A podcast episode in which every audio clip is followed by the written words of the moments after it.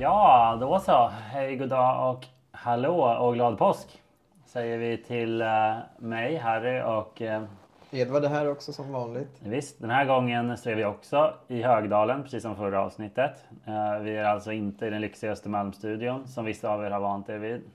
Nej. Men något annat kul.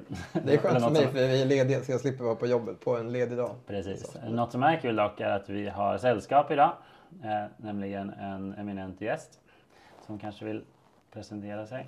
Ja, Viktor Berns heter jag. Eh, bor inte så långt härifrån, i Farsta. Eh, och är en av trion bakom podcasten Stockholm Legacy Report.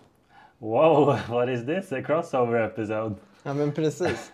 Det är lite roligt. Det var så fort, eh, jag upptäckte er på ett eh, jobbigt sätt. Jag upptäckte inte er genom att jag började lyssna och tyckte det var kul. Jag upptäckte er genom att ni fick ett pris som jag tänkte var helt självklart för oss. Som var det här på, som delades ut i samband med Modern SM förra året på Lincoln.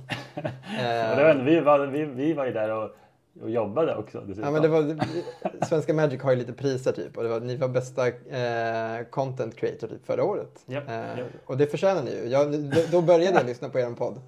Eh, och det var ju en super, den är superbra. Vi kommer komma in på det mer tänker jag. Men, men, men det var ett roligt sätt att upptäcka det på. För vi var ganska, vi var ganska vet du, alltså, vi trodde vi var den enda svenska Magic-podden som ja. var aktiv. Mm. Ja. Och det var vi nog när vi började. För vi började lite innan er. Ni har gjort flera avsnitt.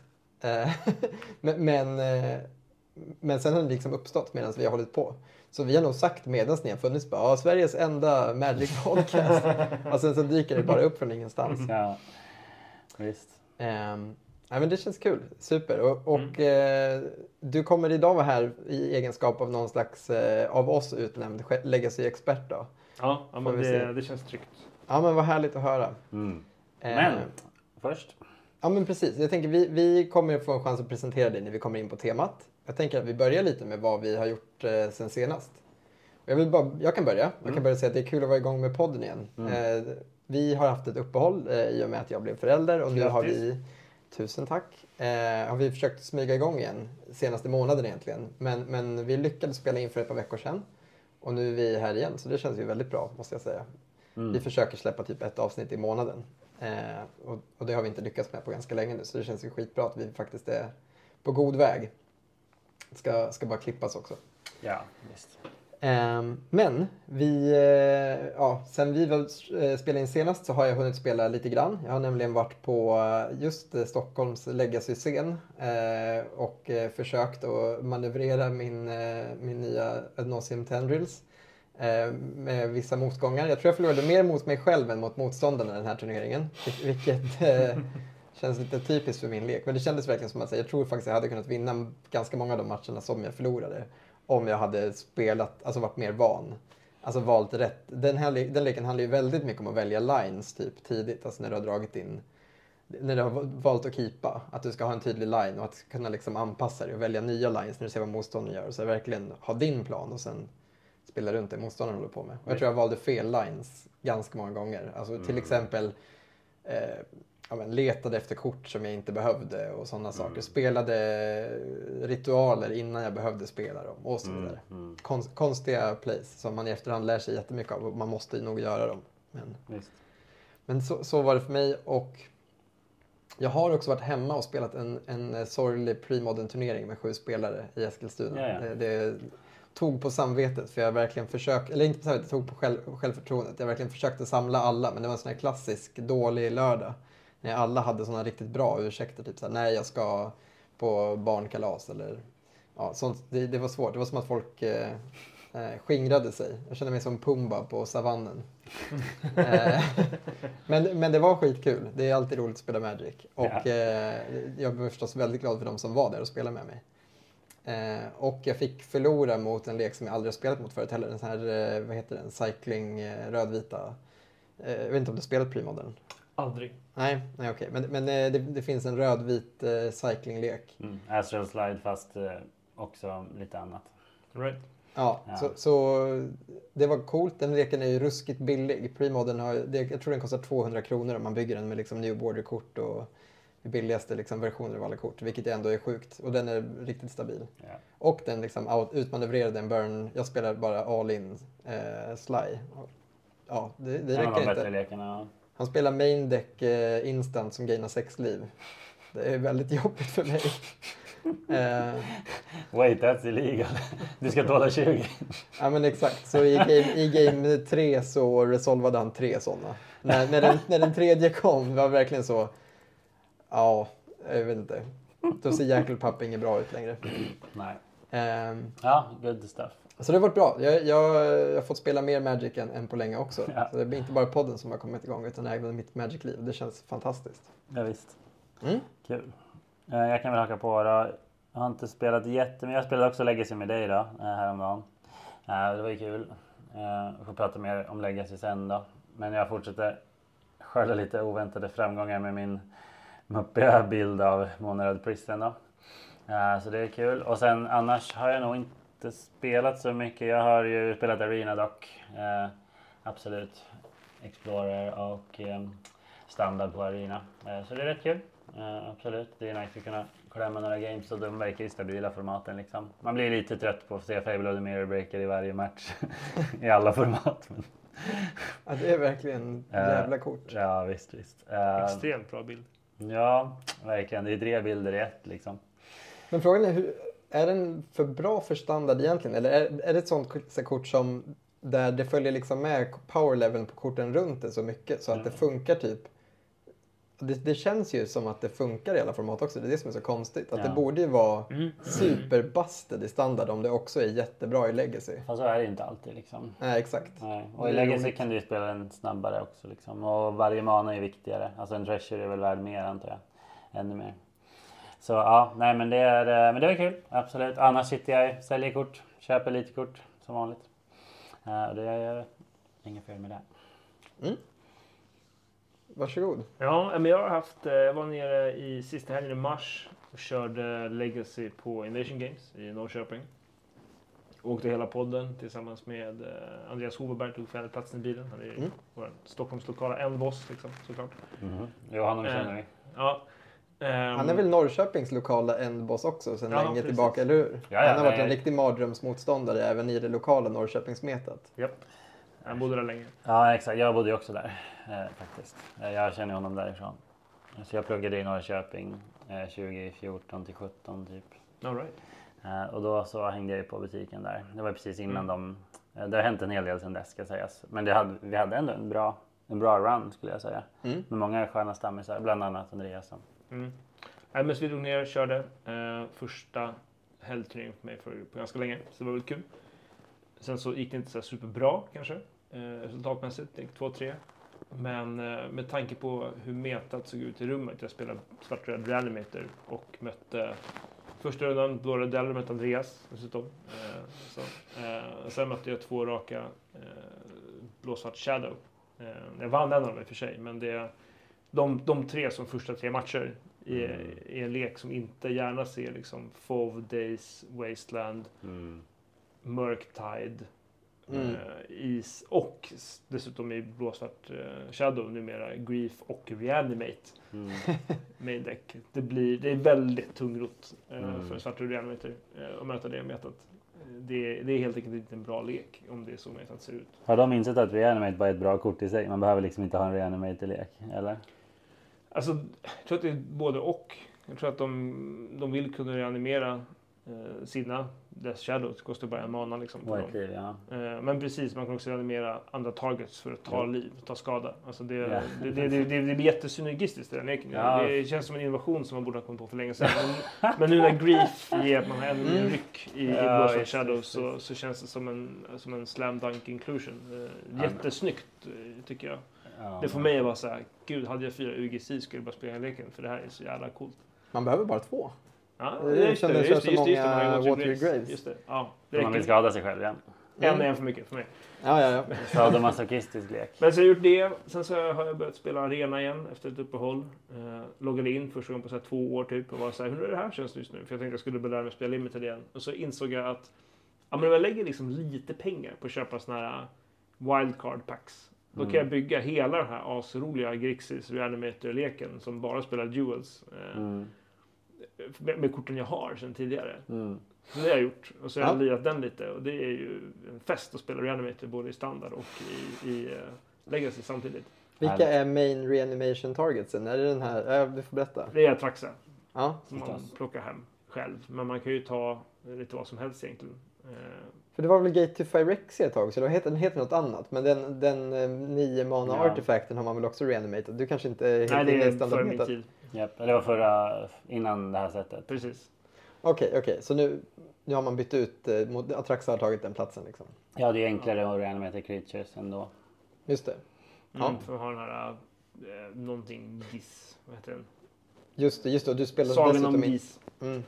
Ja. ja Men det makes sense, för jag tror att det fanns tidigare en vit reanimator i standard. Japp, Som reanimatade artifacts och enchantments. För det Ja. fanns någon kort, kort som kunde göra det. Eh, men ja, Ja, det, här, det, här, det, här, är lite mer straightforward. Japp.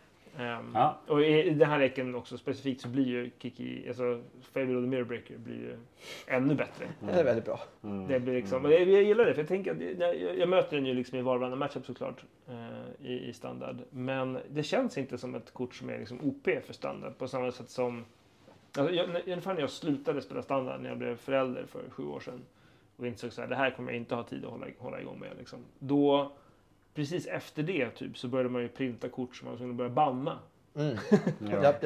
Ja. Eh, jag, jag, jag kommer ju från liksom en, en standard, jag har spelat Magic sen Fallen Empires.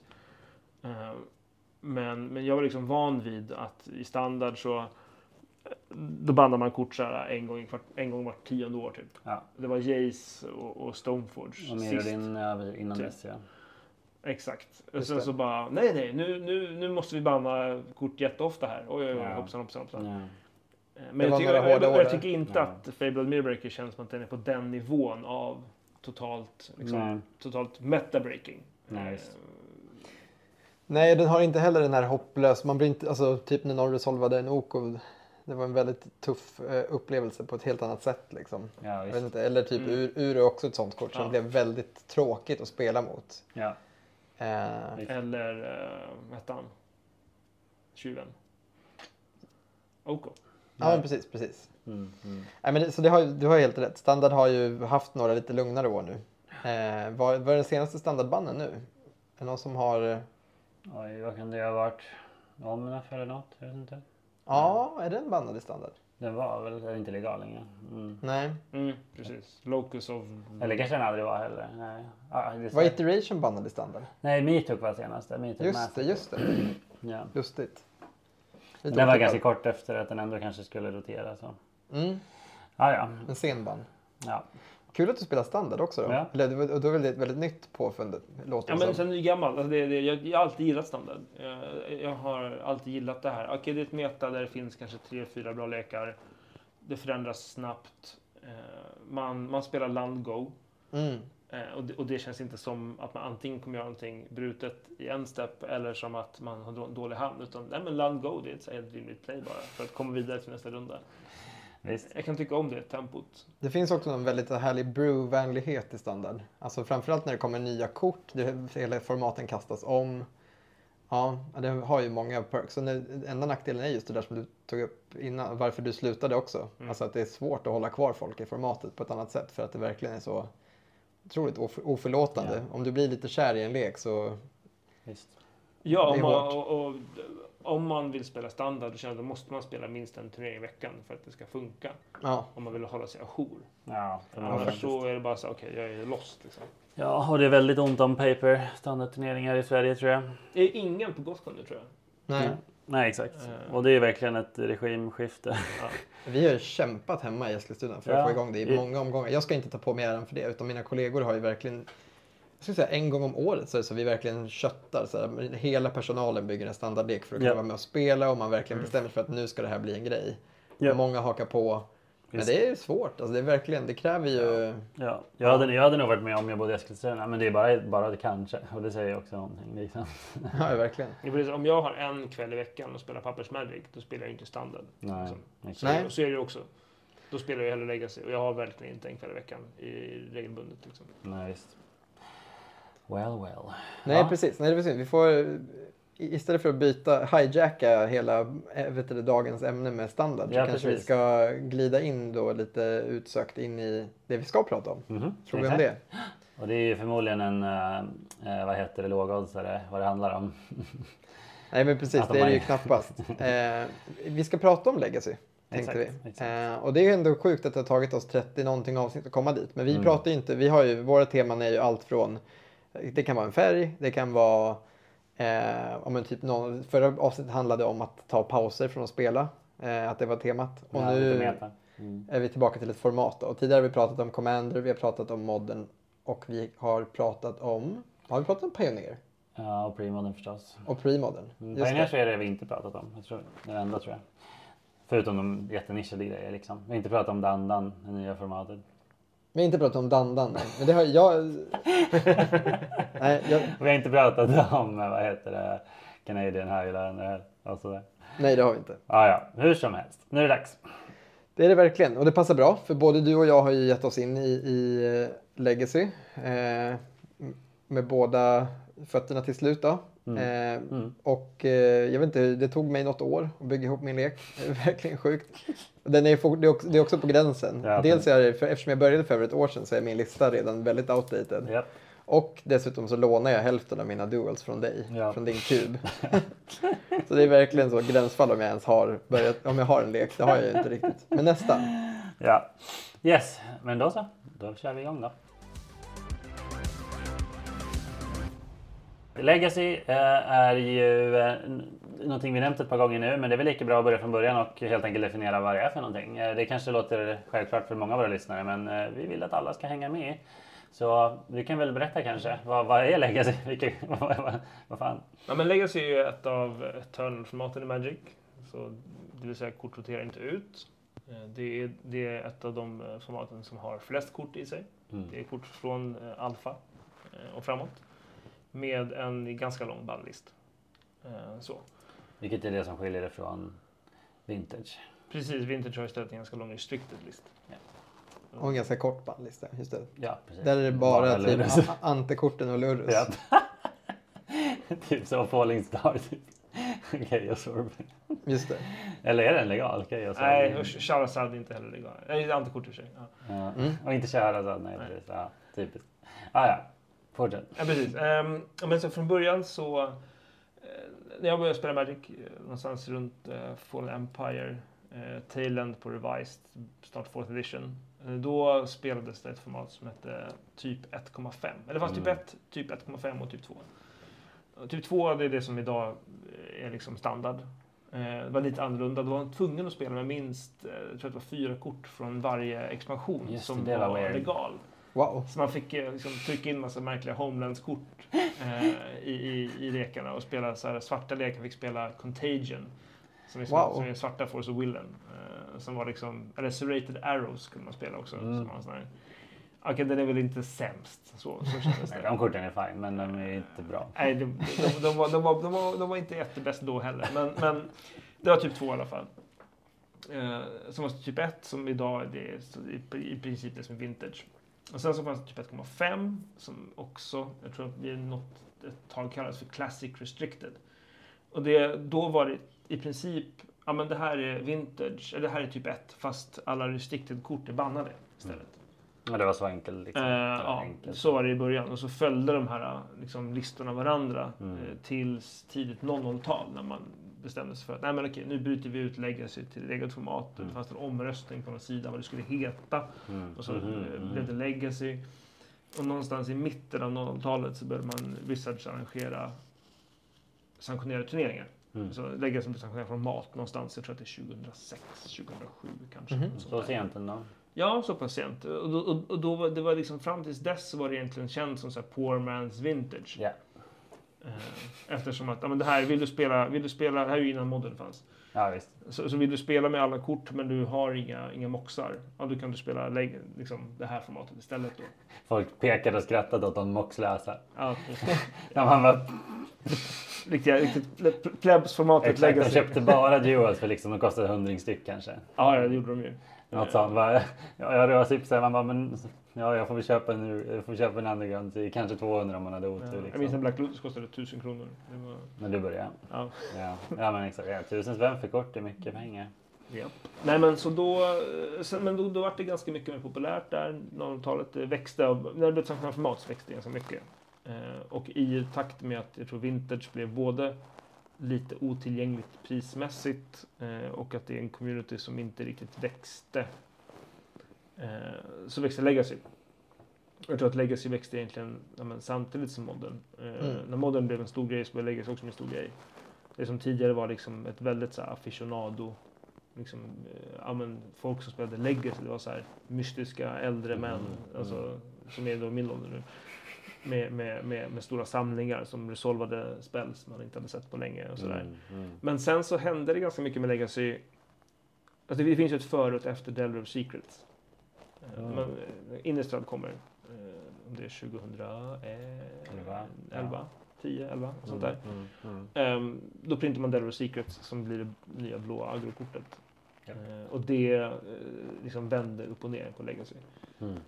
För plötsligt kan du spela Brainstorm Ponder, Force of Will och vinna med djur. Mm. Mm. Ehm, Innan var du tvungen att köra kontrolllek bara. Ja, mer eller mindre. Alltså, om du ville köra ja, precis. Och, och Legacy hade liksom alla möjliga märkliga arketyper som vi liksom inte ens kommer ihåg vad de heter idag. Som, som byggde på fyra mana kombokort och det var, Mm. det, det var väldigt mindre, mycket mindre strömlinjeformat. Och sen kommer Delver och förändrar allt det här. Mm. Ehm, Man höjer liksom nivån väldigt mycket på, på formatet, liksom på kvaliteten på, på, på korten. Mm. Och det är intressant tycker jag nu när liksom det har varit så mycket snack om så här, ja men från World of Spark och framåt, ja man har brutit power level, måste banna kort i Legacy. Det, är som Mm. man, men det här har hänt förut egentligen. Det är bara att då var Legacy inte så stort att, att det varit så mycket ilska. Nej. En, relevant skillnad dock om man ska alltså, vad, förstå alla hysteriker är väl att eh, det kommer kort så mycket snabbare nu. Alltså genom Ja. Commander-utgåvorna och genom eh, Masters och vad menar Modern Horizon sätten och sådär. Så, är det viss absolut. Så är det absolut. Ja, men verkligen. Men, men det man ska verkligen prata om, Legacy som vi pratar om idag ska man prata om efter att Delver kommer. Just Okej. Eh, för sen också ett halvår senare i Dark Ascension då kommer kort som Talia, Guardian of Thraben som Just det. definierade Latent Access, eh, som var en lek som funnits länge innan men som var en helt annan lek som byggde på Mangara, Corondor och, och eh, Caracas. Liksom. Ja. Eh, Ja, man spelade det alltså. ja, Det är det, var, det, det var liksom det man vann med. på något sätt. Ehm, inte bara, men, men det, det var liksom en viktig motor i den leken. då. Ja, och det, och det ja. säger också en del om, om, om, om kanske inte som power level, men kanske framförallt om, om att tempot var, var långsammare i, i matcherna än vad det förstås är idag. Jo. Och sen då under ja, men hela 2010-talet fram tills nu så har, har Legacy, ja, men ska jag säga, allt nu utvecklats då till att bli ett, ett format som är å ena sidan jättekraftig manabas. Alltså du har Ja. OG Duels, du har kort som City of Traitors, Ancient Tomb, eh, Cloudpost för den delen, Wasteland. Mm. Riktigt, riktigt bra länder. Tabernacle också. Tabernacle, Ja. eh, ja det går att prata länge. Liksom. Det finns många, många bra länder i Legacy Mm. som inte finns i något annat format än Legacy. Mm. Ehm, det kombinerat med väldigt kraftiga kort som har printats ja, men från, säg, 2010 och framåt. Alltså, Ja, visst, framförallt Creatures har blivit bättre och Planeswalkers såklart.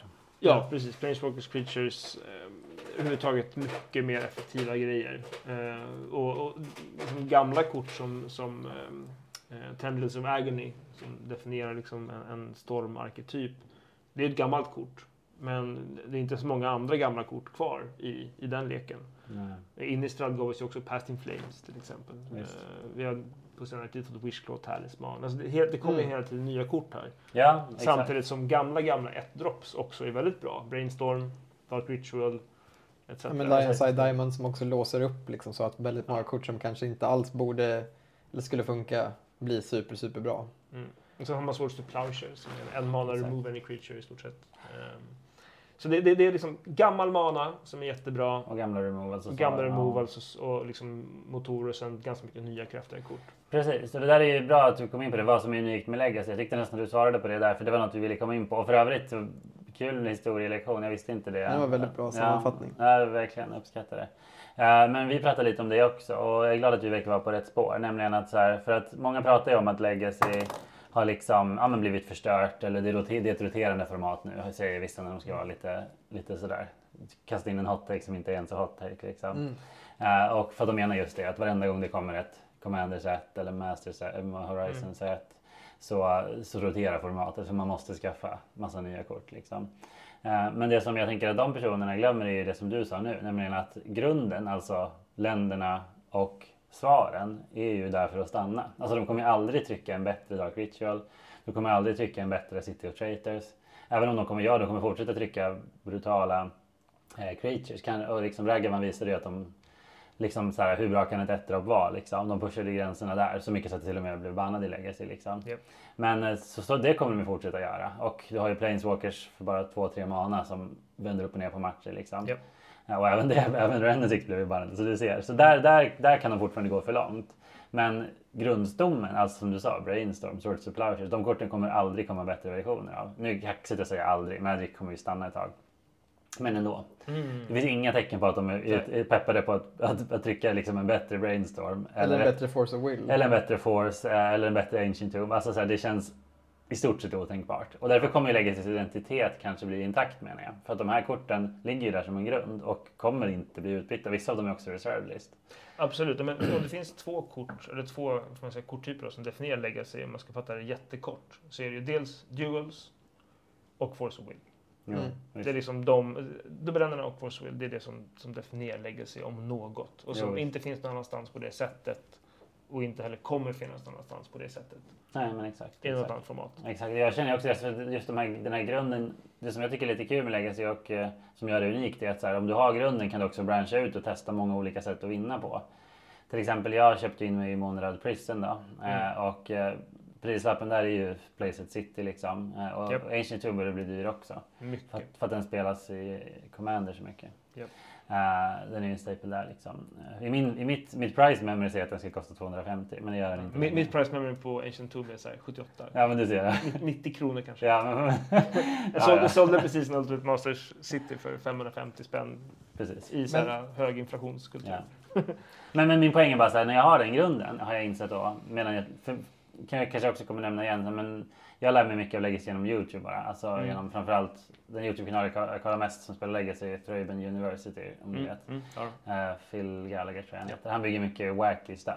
Och vad man ser där är att så här, har du en grund, och det kanske är just City Ancient Tomb, så kan du liksom, ja, idag testar vi monoblå stomp, alltså prison stomp, sen testar vi monosvart och sen monogrön. Alltså så och allt funkar ju. Alltså inte som att han går 5-0 kanske, men han vinner ju matcher liksom. Han bara testar nio wingguns. Eller som jag tror jag nämnde till dig när vi satt och snackade, så här, man kan bara bygga minotaurs. Alltså så här, Ja, varför, ja, för fan. varför inte? Nej men precis, supporten är ju verkligen där i Legacy. Och alla tribe, på grund av typ alla nya Commander-produkter och sånt så kommer det också random-kort som bara är bra. Som Mm. inte tänkte att spela i Legacy. Det är ganska uppenbart att de inte tänker på det när de designar en ny Commander-produkt. Alltså, ja, det har de ju erkänt. alltså ja, men vi skiter lite i hur det funkar i Legacy. Råkar någonting bli för bra så bannar vi det. Ja. Och Ja. råkar det bli så att det warpar formatet lite så verkar ni ändå tycka att det är kul. Alltså jag tror att det är så Legacy, eller jag vill säga Wizards ser på det. Alltså att väldigt många Legacy-spelare tycker att det är jobbigt. Men det Ja. finns nog fan fler som tycker att det också är roligt när det händer något sånt där. Bara, Va? Kan man spela Minotaurs? Jag håller verkligen med om det. Alltså det, fin- det finns såklart en grupp som alltid kommer vara högljudd som säger så här, åh, ni har förstört det här och wow, wow. Och jag är mer så här, okej, men vad finns det att spela med nu då? Mm.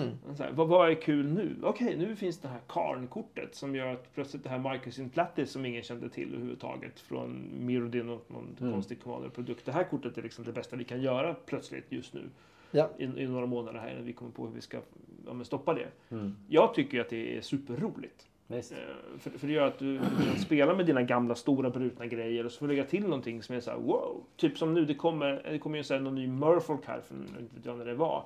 Just det, just det. Men jag var där i Norrköping sist Invasion, till botten så är ju en Murfolk-lek som spelar typ ett place, den här nya Murfolken som är så här, det här är ju svinbra. eh, och, är, och det gör ju inget att, att, att Murfolk blir bättre, för det är ju en arketyp som inte är tier 1 i Nej, Legacy. Liksom, och, och den, den spikar ibland, just när det kommer så här nya grejer. Sist det hände så var ju i typ Guilds of Ravnica kom den här Bionic, vad fan det nu heter. Mm. Eh, någonting, en Murfolk som gör någonting bra. Och så spelar man den ett tag. Och, ah, nu vart Murfolk lite bättre. Sen så kom Mm. det någonting annat som, Mm. som gjorde att det Mm. ändå var relevant i, i power level. Liksom så. Ja, visst. Men vi har ju bara ett bra ett drop och den spelar man inte ens tur rätt. För jag har ju Murfolk i modden nämligen. Eh, Mm. Jag har spelat den många, många år liksom. Eh, så här, men exakt, det är en sån lek som vi sitter alltid och väntar. Alltså fiskspelarna. Mm. På, på eran Raggavan. Ja, ja Eran lite så. Delver. Lite så. Eller bara, ja, vi skulle vara nöjda bara om, om vad heter det, Mausoleum Wanderers var Murfolk istället för Spirit. Det, det är allt vi vill. Ge oss det, bara en reprint. Du behöver inte ens ha flying. Det måste bara växa och kunna kontra. Det är, det är verkligen en shame för er att Wizards insåg att spöken är en coolare liksom, fantasyvarelse än Enligt vem? fi- fiskmän. Vem tycker det? Finns det folk som tycker det?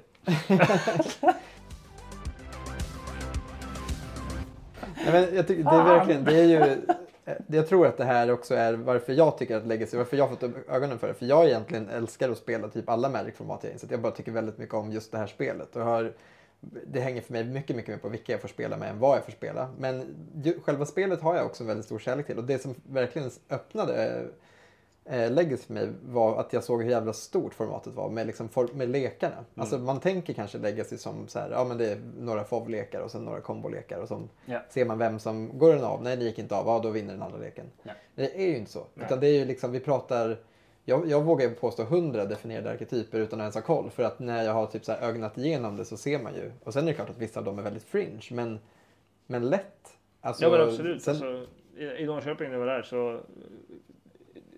Min ännu sämre matchup fanns ju också bland borden.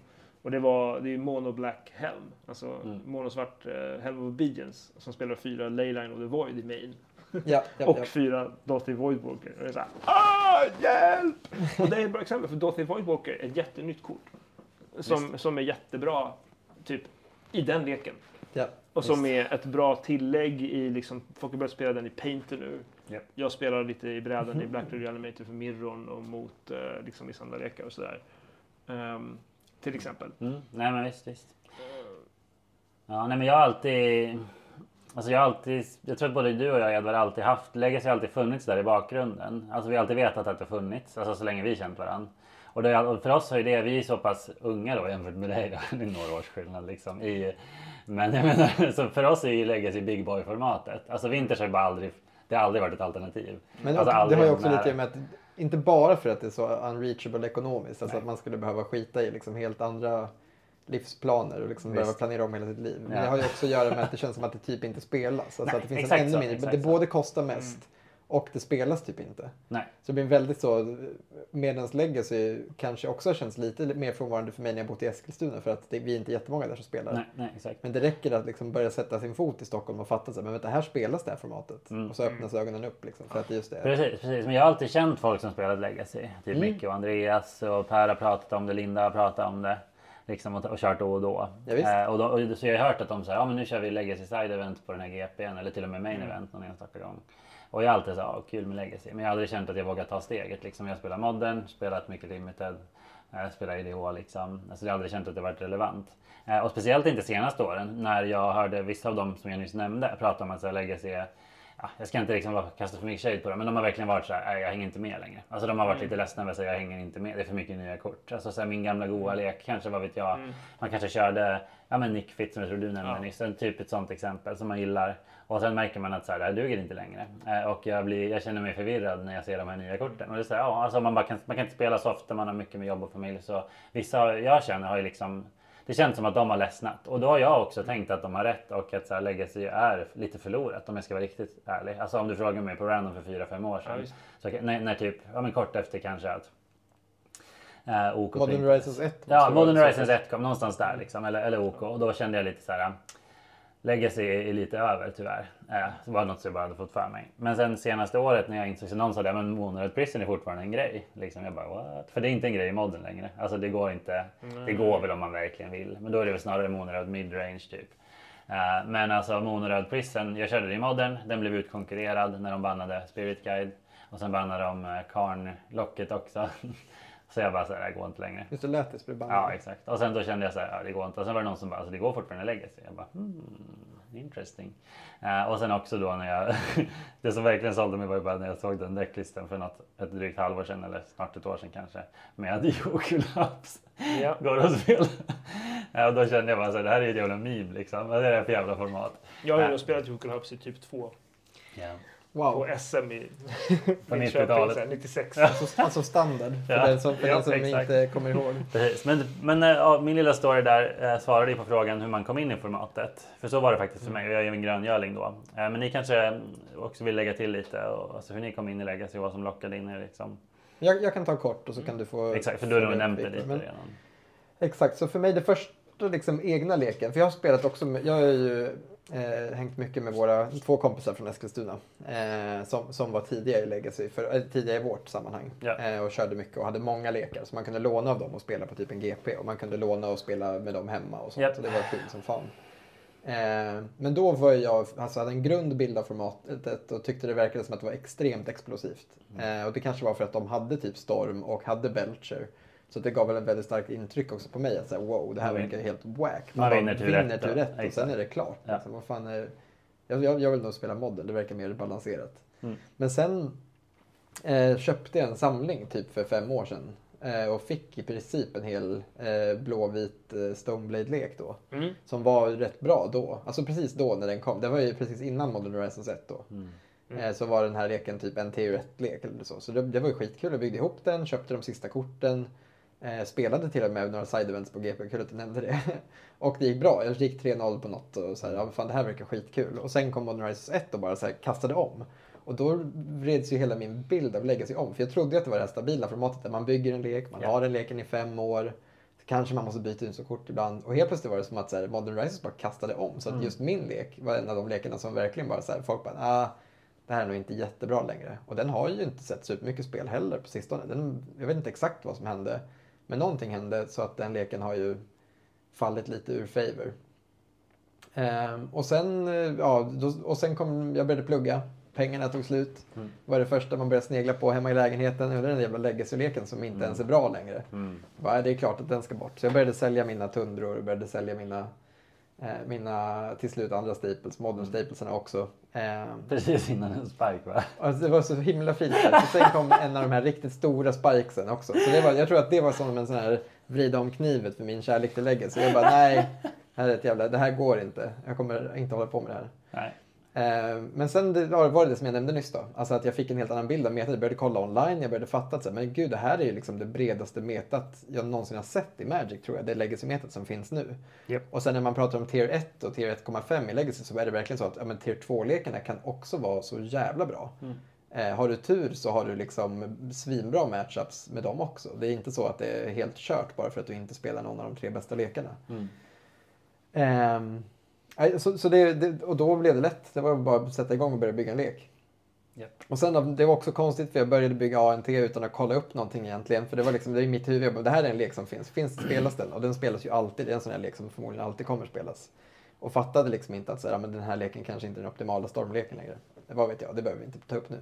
Men, men det var i alla fall spännande för då byggde jag den leken, började spela med den. Ehm, och har hunnit köra några turneringar nu i alla fall. Några hemma i stan och sen några här. Mm. Tycker det känns superkul. Men jag, jag har bestämt mig för att jag ska bygga något mer interaktivt. Men, men jag skulle säga att jag är liksom mitt i mitt, min liksom resa in i Legacy för att bli en riktig, en riktig Legacy-spelare. Men, eh, Yes. men det, det, och det känns fett. Jag tycker att det har varit skitkul. Alltså det känns verkligen, man har så jävla mycket att lära sig. Det är Mm. verkligen som att lära sig dansa på nytt på något sätt. Att så här, men jag spelar ju fan Magic flera gånger i veckan i genomsnitt tror jag. Visst. Och det- tänker på Magic varje dag. Ja. Och ändå så är det som att man ska liksom lära om. Och det var Ja. som du pratade om tidigare, så här, lära sig limited. Du har spelat sen Fallen Empire säger du. Bara, ja, men jag vill bli bättre på limited. Det är sjukt att vi har spelat det här spelet i ditt fall 30 år. I vårt fall ja, mellan 20, 20. 25, 30 år. Och att man fortfarande är sådär, bara, fan vad kul, jag, blir, jag vill lära mig det här. Ja. Jag vill bli bättre. Alltså det är sjukt. För Ja. att är, man borde vara så jävla bra. Men Ja. det enda man vet nu är att man kan bli så jävla mycket bättre. ja, men Ja, verkligen. det är häftigt. Och Legacy tror jag är nästa steg för mig helt klart. Att, ja, här Ja. finns det mycket att bita i och jag är astaggad på det. Ja, det är fint. Ja, men jag kom in i Legacy för det är ungefär drygt tio år sedan. Eh, ungefär samtidigt som jag började spela modden. Mm. Eh, Tog en dubbelmacka direkt. Ja men precis, för det, det var så mycket som överlappade. eh, med, med, med, med, alltså, duels var inte sådär våldsamt dyra då. Det gick att skaffa ett par liksom. Mm. Om man, alltså, om man är Magic-spelare så var de inte dyra. Så det är en lyxhobby vi håller på med. Den, är, den är liksom, jämfört med nästan allt annat så är den väldigt dyr. Eh, men det skulle vara typ segelbåtar och något. Exakt. Klock, Bilar. Klockor, det, är- dyrt. Men Yeah. Golfklubbavgiften kan vara dyr också. Ja. De, vi, det, det, är, det är nog samma. Om du inte ska spela på någon sån superfancy... Fast då finns det, vi har, vi har värre. Ja, det jo. har vi fan. Usch. Ja, ja, ja, förlåt. nej, det är ingen fara. Nej men så då, då, då skaffade jag Maverick. Jag tyckte det verkade vara en ball lek. Eh, man får göra roliga grejer. Jag har liksom alltid spelat Magic. Jag har spelat sånt som... som ja, men jag, jag, är en sån, jag gjorde faktiskt jag gjorde en Wizards survey här i, i förmiddags när jag kom hit. Mm. Som är så här, men då, då en fråga var så här, men typ, bygger du lekar för att vinna eller andra grejer? Och då var det så här, men jag bygger lekar för att uttrycka mig själv. Och det är, så, det är fan sant. Mm. Alltså jag spelar ju Reanimator för att jag dels gillar att slå med, slå med stora djur. Mm. Men också för att jag tycker om black metal. Alltså så, det är liksom, det är black metal-leken. Det är ju Reanimator. Eh, och sen spelar jag Cloudpost, för då får man spela leken som slår med de största djuren. Och som också är så här, Så ja, men Lovecraft, Cthulhu, Visst. eh, Eldrasis. Och det är också kul. Och det är Ja, de som leken jag spelar just nu. Ja. Eh, Så råkar det vara helt okej leka liksom. Det är Ja. synd om man bara är, vad vet jag, en riktig yankee tribe. Alltså man bara, eh, sen varje kille, man bara jag ska köra wolf Jag kör bara Dreamhalls. Det spelar ingen roll Ja, att ingen har spelat den på... Exakt. Ja. Ja, men så började jag, så- men då, då kom ju Return to Ravnica där. Mm. Eh, ett år efter Delvertrix. Eh, och då kom ju Deathrite Shaman. Mm. Som är ju dödsstöten för så här, Maverick as we Mm. know it. Mm. det blev en helt annan lek efter det. Och jag var så här, fan typ. Och det var precis den här effekten. Man var så här, "Ah, okej, min lek är inte viable längre. Fan vad störigt det känns. Typ. Mm. Men så var det bara, okej men det här är också ett så här roterande format. Det här är, så här, är precis som Vintage också görs om. Mm. Alltså vill man spela ett format som inte görs om, då får man antingen spela limited som bara görs om hela tiden. Och Mm. där man får tänka arketyper Och det är hela och grejen egentligen att det görs om, Precis, liksom. Poängen är liksom att du har samma taktiska, strategiska sätt att se på limited som format med helt nya kort hela tiden. Liksom, Mm. Du applicerar någon sorts Mm. skills. Vilket gör att jag tror limited är liksom, kommer alltid vara det absolut djupaste formatet för att det är alltid det som kommer vara svårast av, av, det, av det skälet. Men eh, eller så får man spela liksom pre-modern eller old school eller Ja. någonting. Om, om, man nu, om, man, om, man, om det ska vara som det har varit, Ja. då, då, får Ja. man, då får man ta ett Ja. sånt format. Så får man helt enkelt finna sig i att, att de andra formaten inte är så. För jag har ju istället, okej men vad kan jag spela istället då? Då började jag spela Death Taxes och så här, det här är kul, jag gillar Thalia, jag tycker om den låren. Mm.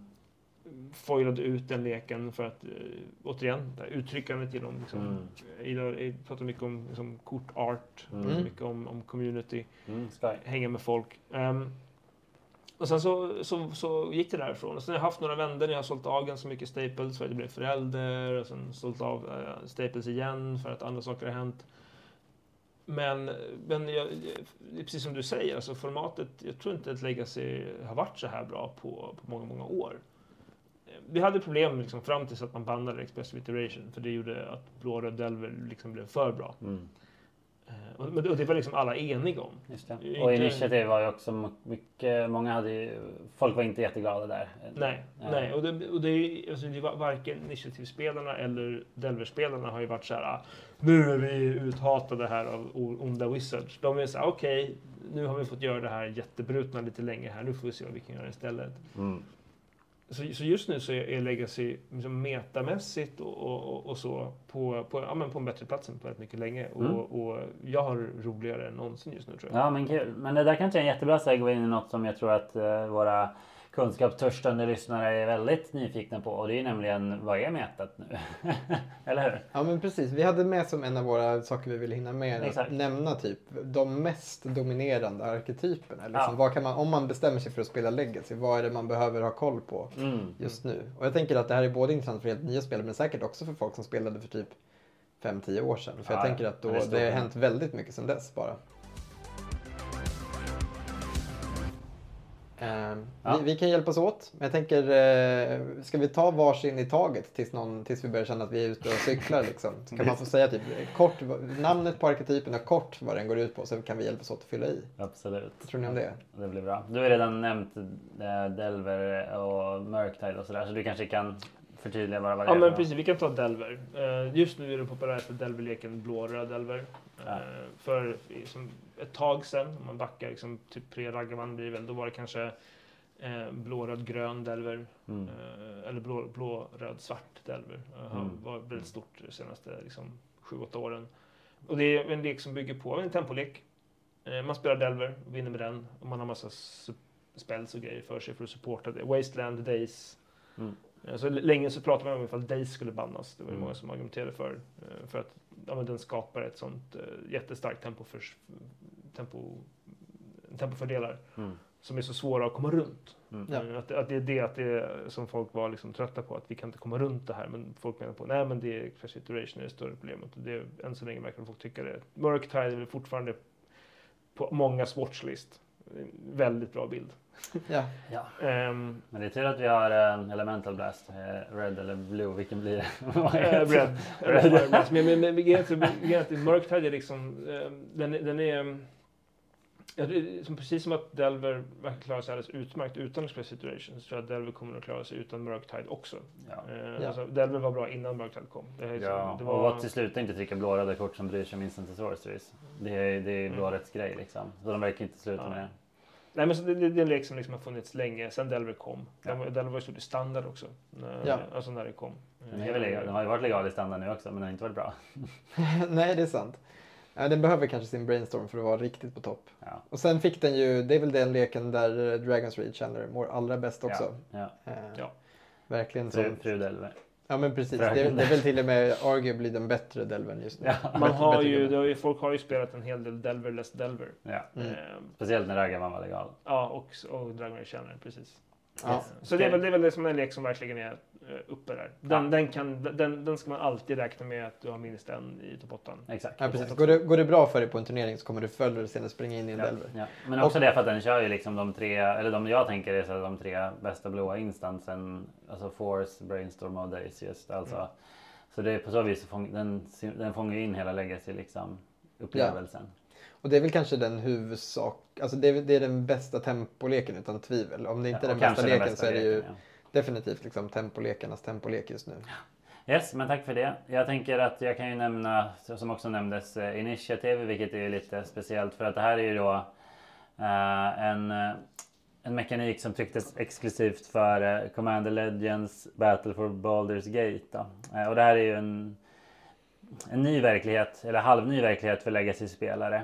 Det här med, som jag redan har nämnt då, det här med att kort från Commander-produkter, och sådana har vi ju gott om nu för tiden Ja. eh, blir legala i Legacy. De blir alltså legala i Eternal, alltså överallt. Eh, och det är ju all fun and games ibland. och vissa av de många kort som spelas i Legacy eh, skulle jag säga ändå, alltså som folk verkligen uppskattar kommer ju säkert från Commander-produkter liksom. Eh, säkerligen. Eh, och, och, och, och sådär. Men Initiative var ju alltså, ja, det är en väldigt knepig grej men det påminner ju om Dungeons, en ny take på Dungeons. Och Eh, ja, det, det, den är designad för multiplayer om vi säger så. Eh, och precis som med True Name Nemesis för ganska många år sedan. Ja. Så blir, ja, det krävdes inte så mycket, så mycket IQ för att förstå att eh, det här är jättebra om man bara är en motståndare. Eh, och så blev det ju med Initiative. Eh, och det är alltså en mekanik som säger att när den kommer in så får du Initiative som betyder att du nu är inne i en Dungeon som ger dig value bara automatiskt varje upkeep. Eh, Och så går man olika steg och får olika value. Och det visar sig att med hjälp av solländer och ritualer så kan du gå in i det initiativ typ tur rätt. Så det bästa initiativleken har varit monovit. För att de har två stabila initiativgubbar. Exakt, och de hade också den enda som kostar tre mana och inte alla andra kostar fyra eller mer. Eh, Och eh, den vann de ju dock, eh, White Plume Adventure. Men allt som allt så fortsätter initiativleka vara en grej. Exakt, och det här är ju någon, man brukar kalla dem typ för, det känns som prison slash stompy-lekar också. De spelar mycket sådana main deck eh, hate pieces, eller hur? Ja, de Alltså kan som spela typ- Chalice eftersom att alla initiativkort som sagt kostar fyra eller mer och sådär. Så de kan bara skippa ett dropp. Ja. Och, och fast man, så att det är inga problem för dem att lägga en Chalice runda ett eller Nej, så. exakt. Och sen så, så har jag, jag vet inte hur det ser ut, men det, den som dominerar nu är en rödgrön, stämmer det? Att det liksom är, efter de här bandsen så känns det som att det har varit en rödgrön som har eh, tagit över Ja. initiativ-tronen. Eller kanske rödvit, jag är inte säker. Inte jag heller, men Ja. jag har bara hört mest om Red Dead Jury is still out. Ja. Eh, vilken, vilken det blir som, eh, som kommer ta över. Men de, de jag har sett, de jag, de jag har sett med min okulära empiri är rödgröna. Att de är lite bättre. Både, för både den gröna och den röda initiativgubben för ser ju extremt bra ut. Jo. Alltså det är verkligen Jo. så. De är ju Visst, riktiga bästar. visst. Ja, ja, det var det. Men eh, jag kan väl, eh, jag spelar ju själv Storm. Så Storm är ju verkligen en sån klassisk legacy. Det finns i modden också men där ser den helt annorlunda ut. Det är den här klassiska rödblåa, dina spel blir billigare leken. Men här är det snabb mana, eh, generera sinnessjuka mängder card advantage med ad nauseam eller eh, Past in Flames. Och Ja. sen eh, bränna av en stormspel. Mm. Och tack och hej. TV på slay. Det är, det är väldigt straightforward. De två varianterna ju, skiljer sig mycket. Den ena är liksom den mer gravberoende kabal-ritual-varianten. Mm. Eh, och eh, den andra spelar i princip inte svart tror jag. Eh, jag tror att The Epic Storm bara skiter i svart och kör, det kanske kör något svart kort, den kör ju Tendrils liksom och så, men inte liksom för manarampet. Nej. Utan man kör istället med, eh, gud, eh, du har, du har Right kvar of manastenarna. Ja, Precis, men du kör Right of Flame ja. Ja. Mm. Eh, och sen ett tag tillbaka kör man vitt för att kunna spela Silence. Det har också blivit en sån kort som typ har, eh, ja, För blivit att se till att kunna gå av dem. Ja, precis. Du skiter i Thoughtseize, du skiter i egna kontringar. Du Ja. vinner genom att spela en silence dit, på din runda liksom. Och sen, ja, ja. Riktigt stabilt och väldigt bra mot liksom. I Mirrorn, helt sjukt bra. Motståndaren börjar gå av. Den bara mitt i deras, de går av, spelar en silence. Asbra. Så, men, men, men ja, det finns lite olika stormlekar. Men storm är en Mm. supermycket en grej. Grymt. Eh, Vill du säga någon annan rolig lek? Vi kör så runt runt. Ja, men jag kan Kanske kunna köra en, en, en lek som är kanske den, eh, den äldsta leken, om Ja. man säger så, som just nu finns och är bra, är ju Cephalid Breakfast. Ja. Eh, Och det bygger på ett kort som heter Cephalid Illusionists, som är jättegammalt. Ja. Från Eh. Torment tror jag. Eller något sånt. Det är Precis. det blocket i alla fall. Ja, som för övrigt är då Wizards eh, andra Merfolk eh, liksom tribal. Det kan man säga. Cephal- Cephalids. De ersatte Merfolks i den här expansionen. De försökte, ja, exakt. De testade. Ja. Mm. Ehm, och det, och det, men det är ju en lek som har blivit då mycket bättre eftersom att man numera har ett Tassas Oracle som man bara vinner med. eh, Ja. I den leken på ett helt, helt, helt mycket mer effektivt sätt än, än ja, alltså så här, leken var bra när den var bra förr. Men eh, för att vara viable nu så behöver man något nytt kort och då är det då Tassas Oracle in Exakt, som exakt. ett kort som också har förbättrat med sig en till liksom, eh, lite mer komboig lek här, alltså Doomsday just det. det är ju som Safari Breakfast och Doomsday, två lekar som har, alltså som när jag började spela Legacy, var så här, men det här är lite roliga antikviteter. De är, de är, det är gulliga lekar och ibland kan man kanske spela Doomsday i Vintage och vinna typ. Nu är både Doomsday och Safari Breakfast liksom bra lekar. exakt. Superbra. Och det handlar alltså om, för de som inte vet, att man ska få bort sin egen lek. För då vinner du med Tassas Oracle på ETB. Ja. Om du Ja. inte har en lek. Typ. Ja, precis. Eller väldigt få kort i leken. Ja, jag ska inte in på att försöka förklara det här lite komplicerade, eh, hur, det, hur det går till rent praktiskt. Men eh, googla på Ja. Breakfast. Du, eller du Doomsday, millar ut din egen lek. Just den är rolig för att du mildar också ut dig och sen spelar du dina egna kort från graven. För att du har massa kort som Ah, går att spela ut från graven med det som händer. Så den är väldigt så. rolig. Narkomebor och grejer. Den- är riktigt ball. Ja. Och namnet är sådär, det är väldigt svårt att ta den på allvar. Alltså när någon säger att det finns en lek som heter Cephalid Breakfast så är det klassiskt sån här reaktion tror jag. Från, min reaktion var bara såhär, va? Ja. Nu driver du. Nu försöker du bara skoja om hur brett det här metat är. Men det finns Exakt. inte en Cephalid-lek, eller hur? Och Nej. folk bara, jo, jo. Ja, Kyrko nice. också. Är Ja. med i den leken. Det är två... Japp, eh, men jag kan nämna en annan lek som jag tycker är väldigt klassisk för Legacy och det är ju Painter. Eh, Painter Servant. Ja, den finns också, det finns jättemånga versioner av. Eh, Många, många versioner. Exakt, folk testar den. i- Av vad jag har sett på Youtube när folk spelat eller så. Så är det så här, ja vad möter vi här då? Ingen aning vad de håller på med. Så jag, ja, det var bara en annan slags Painter-lek. Eh, Men Painter är i alla fall en 1-3 för 2 eh, som säger att den, du väljer en färg och alla kort, och då menar jag alla, eh, är den färgen utöver sin vanliga färg. Och det visade sig vara lite av en wombo combo med Grindstone då. Som en artefakt som säger 3 mana, tappa Milla 2. Och om två av de korten, då, eller båda de korten då delar färg så får du Milla vidare. Och det gör de ju eftersom att du har Painter i Eh, spel. Exakt, så du, du, det är helt enkelt om du har Painter ute så säger den tre mana tappa Milla ut motståndarens lek och oftast vinn då. Så så är det. Den senaste versionen jag hittar här verkar spela rött med Goblin Welder och Goblin Engineer.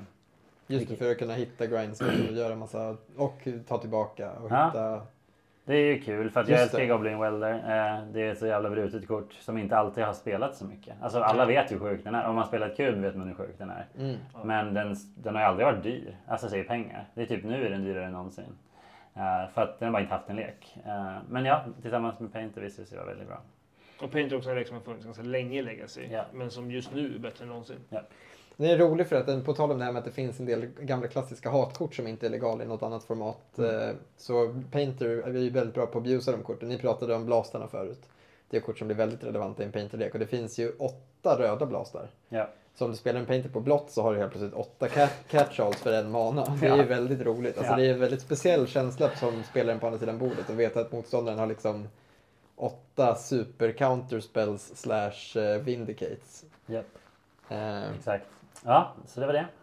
Men eh, en, vi har inte nämnt... Eh, Eh, ja men Reanimator, jag, jag tar den nu så kan du få flika i. Det, det är också en superklassiker. Eh, framförallt i och med att det har kommit bättre och bättre gubbar. Ja. Alltså jag tänker att Reanimator för 15 år sedan måste ha varit skitdåligt. Eller åtminstone inte så bra. För vad fanns det att ta upp liksom? Innan Grisselbrand kom och bara nu jävlar finns det grejer att ta upp. Och sen har ju Grisselbrand suttit liksom stabilt på den tronen sen han kom. Och sen, ja men det kommer väl ibland något kort som jag säger, det här kanske är bättre. Men så här, ja, nej. Sen är det ju Arkon och, och eh, Atraxa. Atraxa har väl kommit som sådana här ja, men stabila alternativ som man kan spela vid sidan av. Ja. Eh, Och ibland istället för Grisselbrand nu har jag förstått. ja, så kanske det är. Ja, Inte, inte istället för, ska jag inte säga. Okej.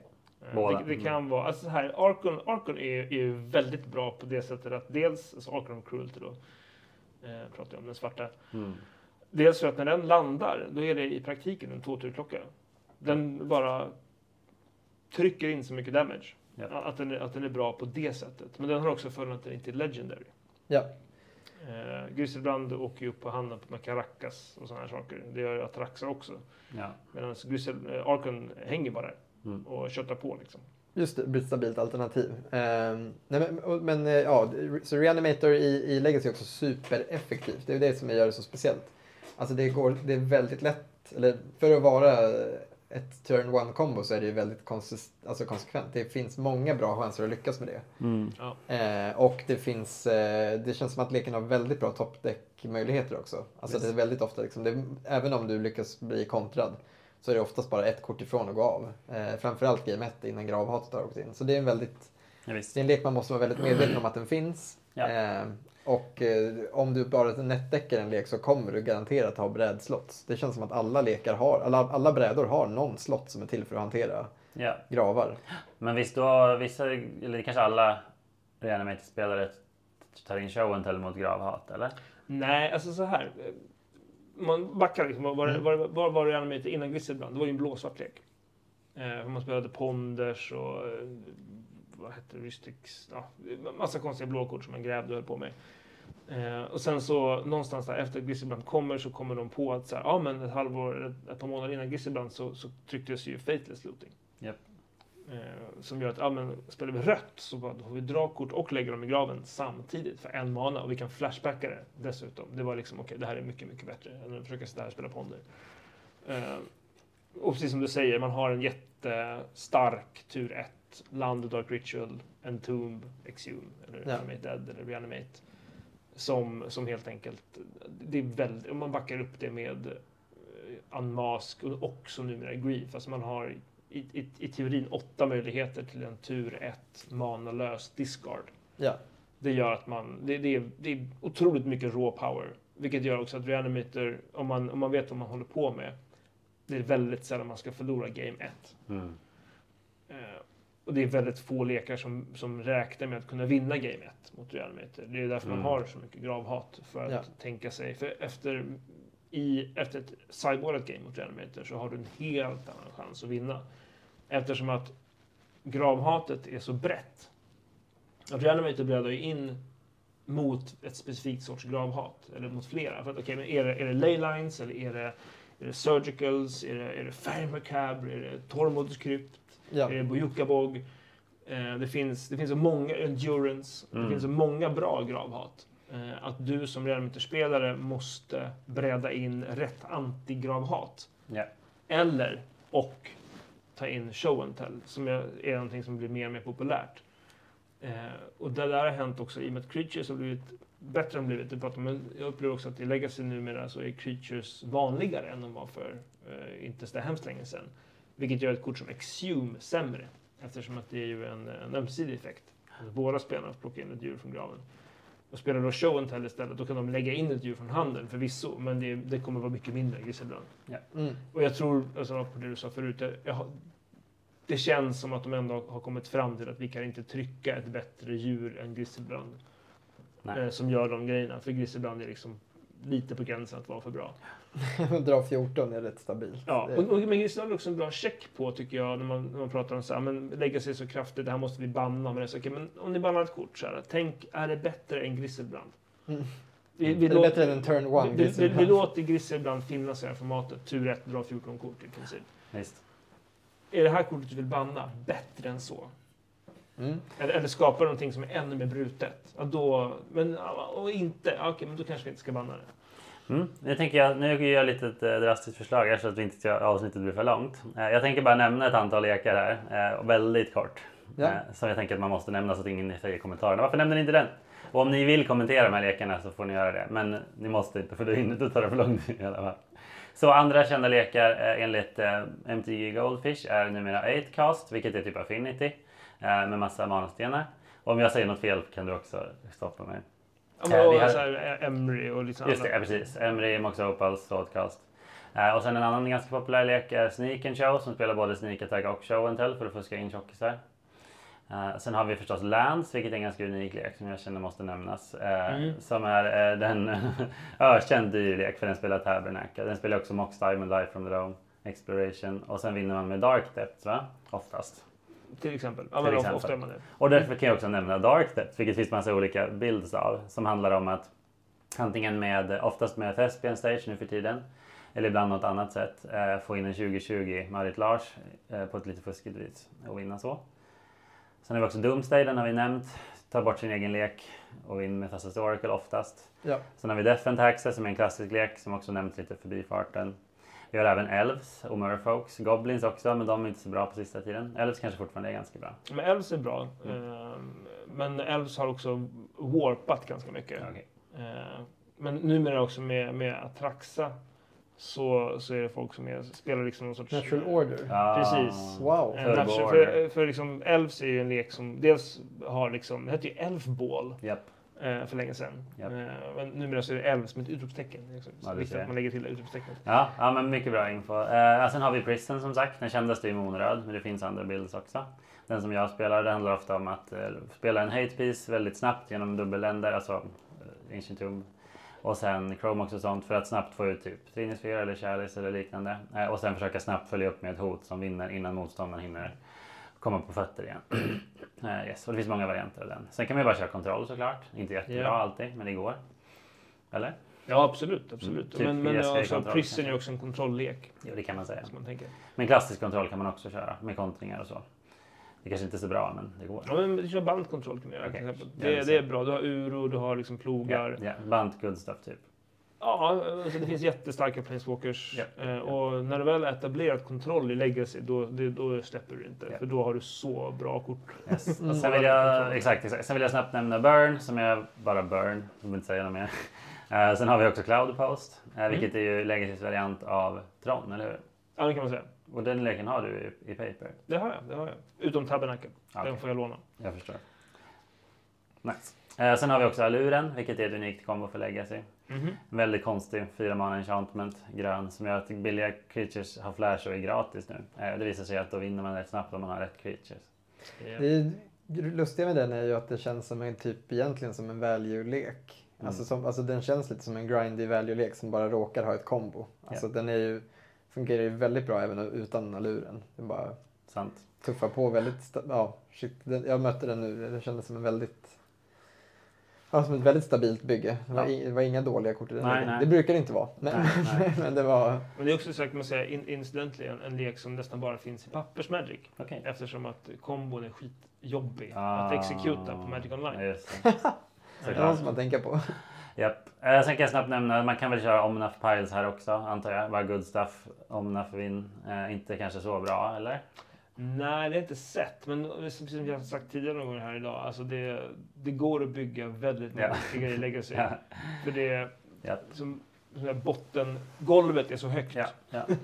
Och sen också kan vi nämna Infect är en grej här också. Och Mm. den leken som också bara blir bättre. Ju mer poison de trycker och ju mer de trycker. Ja, det, det var liksom the backfoot för att den har haft liksom dåliga matchups länge. Men mm. den, eh, nu har folk, i och med den här Phyrexia Toxics, Ja. eh, folk tittar på igen så här, hur kan vi göra det här på ett bättre sätt? Så den, jag tror att den kommer bli, komma tillbaka. Mm. Men mitt förslag är att vi pausar där för annars kommer vi fortsätta. Det är ju ett brett meta har vi Ja. redan konstaterat. Det Ja, finns det ju här. 50 som är icke nämnda, icke glömda här. Ja, exakt. Vilket är helt sjukt. Det bara bevisar ju den poängen. Ja, alltså att man, nu har vi namedroppat, säg 20 lekar. Mm.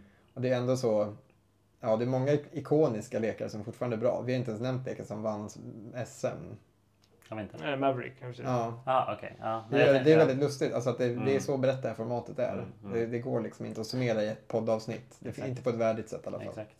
Men då så. Jag tänker att vi hoppar vidare till eh, en riktigt favoritsegment. Nämligen topp 10-listan.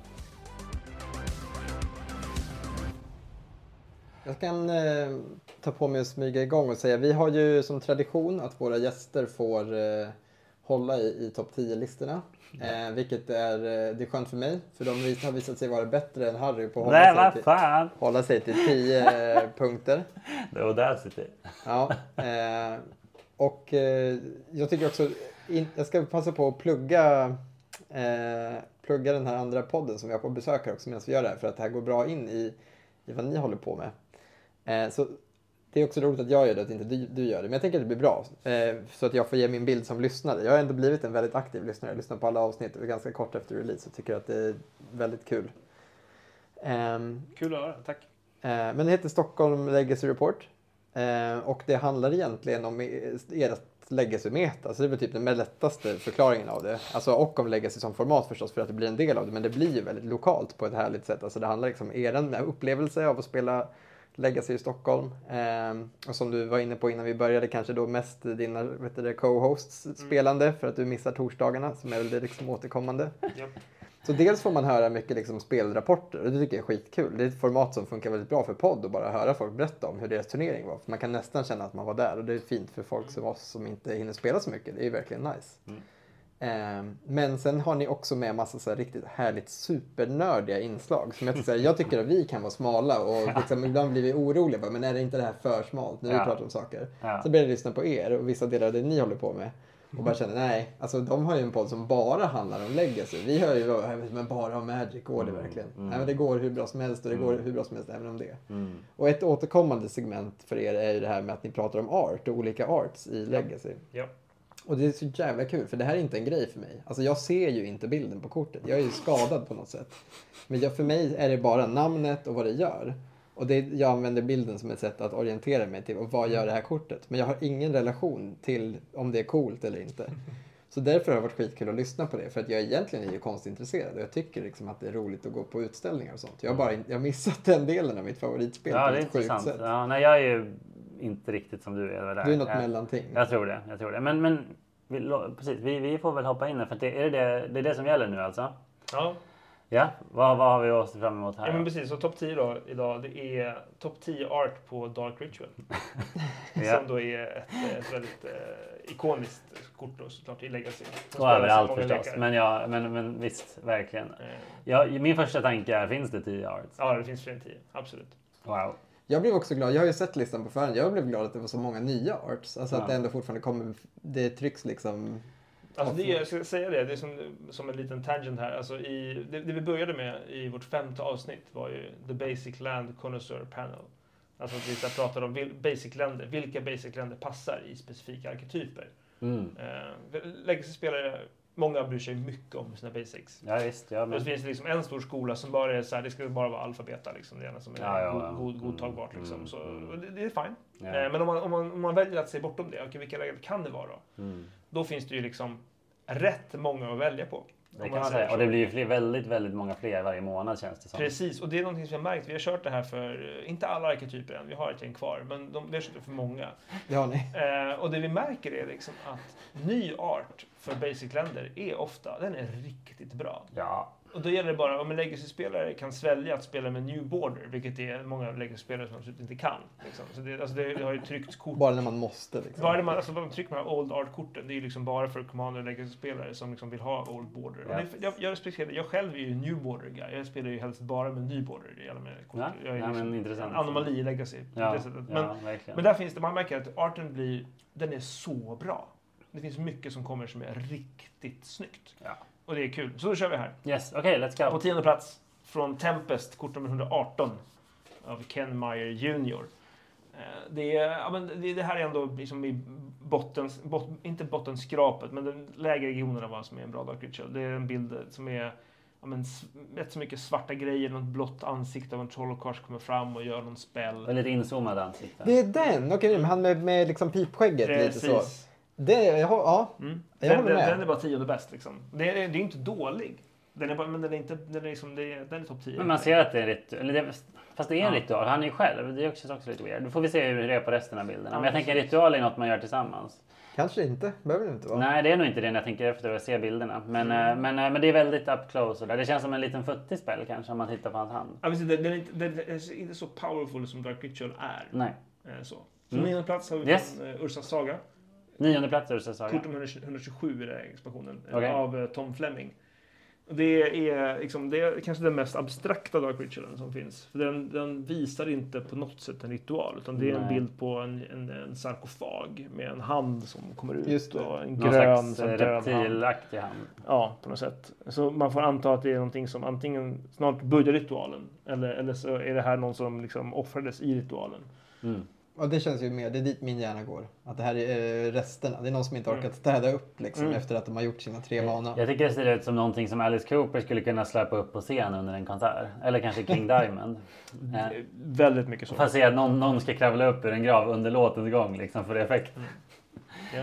Mycket Jag håller med. Det här, och det här känns ju mer som en reanimate-spel. Eller liksom en som, eller typ en kill-spel eller något. Den, den, den känns ju inte som en gjuten Dark Ritual. På Nej något precis, sätt. det är, det är en ganska nice bild liksom. Men, men just till Dark Ritual känns den lite off. Så, det ska man säga. Åttonde plats från Fifth Edition. Så det här är en art som, eh, så vitt jag vet, första gången den kom var den i Whiteboarder.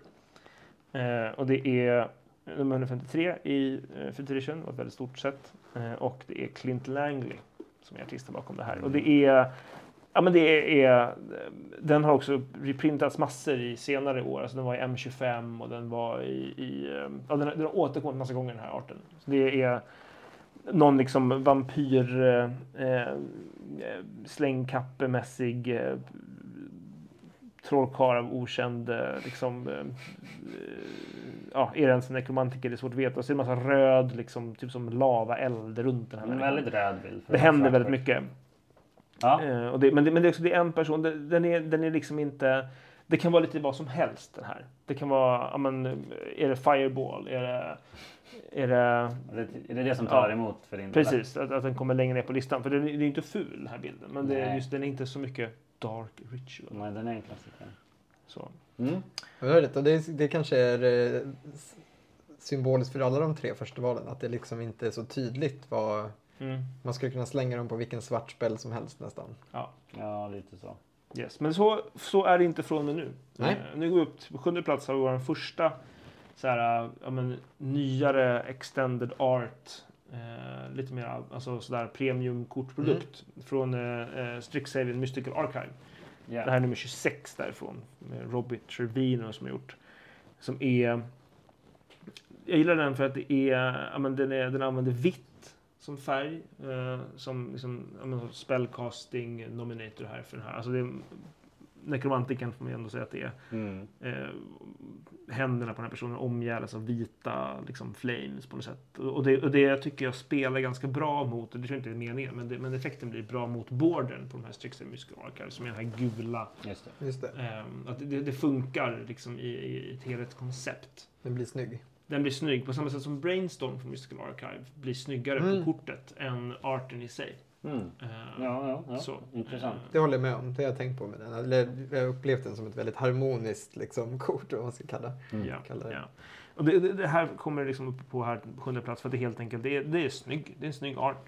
Mm. Eh, och jag tycker också- och jag gillar att man vågar gå liksom bortom nekromantik-tropen. Men det tycker jag att om man ska ge lite cred till tionde platsen så gjorde den också en sak som gör att på grund av hur de har jobbat med ljuset så får man ju känslan av att den här ritualen händer någonstans där det är väldigt, väldigt mörkt. Ja. Och det är ju passande för en dark ritual. Alltså just att det, här, det är som, det som vi, man kan ju inte riktigt återspegla mörker i en bild. Det blir en väldigt tråkig bild. Men genom att då liksom lysa upp någonting med spellen så ser man att oj, här är de på en mörk plats och gör någonting, Mm. någonting shady. Sen kan ju dark betyda någonting helt annat också. Men det, det blir väldigt bildligt, eller bokstavligt så. Ja. Här är det mörkt. Ja. Visst, det var sjunde. Mm. Sjätte plats har vi från Ice Age, nummer 120, av eh, Justin Hampton. Och det här är, kan man se, det är typ Stonehenge Dark Ritual. Det står ett gäng eh, druider med stora horn och röda robes och framför två stora eldkärl, liksom Mm. kittlar med eld. Väldigt classic fantasy. Och det är, någon har väl en stor dolk också. Ja, precis. Det, det, det är alla element här. Det är rollspelsboksbilden. Ja, verkligen, verkligen. Och Wizards of the Coast gör ju Dungeons and Dragons, så det är ju inte långt därifrån Nej. såklart. Tvärtom, det är väldigt adjacent. Magic Mm. är ju tänkt som ett spel att spelas mellan rollspelsrundor på konvent. Det, Ja. och det här är ju ett tidigt kort, Ice Age är ju tidigt ändå får man säga jämförelsevis. Ja, ja. Och det här, är med, det här har ju en speciell plats i mitt hjärta ehm, eftersom att det här var den första chansen jag hade att spela en Blackboard Dark Ritual. För jag, när jag spelade liksom, typ 2 då, 95, då hade jag inte råd att köpa liksom, beta Dark Rituals. De jämförelsevis med idag var de ganska billiga, men det var ändå så här, det gjorde man inte. Eh, men jag ville ju spela Necropotens, Mm. eh, vilket alla gjorde på den Ja. tiden. Eh, då passar Dark Ritual bra. då vill man ha Dark Ritual som också kom från Ice Age samma sätt praktiskt nog. Ehm, så det är den. Mm. Den är... Ja, men, Den den på, är påminner mig om en uh, boss i Elden Ring, en, om någon har velat spela det. Uh, Moog, Lord of Blood tror jag är verkligen den feelingen i hans den arenan där han går runt. Ni som spelat Elden Ring vet i alla fall. mycket den feelingen. En stor röd cape och sen just mycket stenar runt om och sen lite eldar här och där.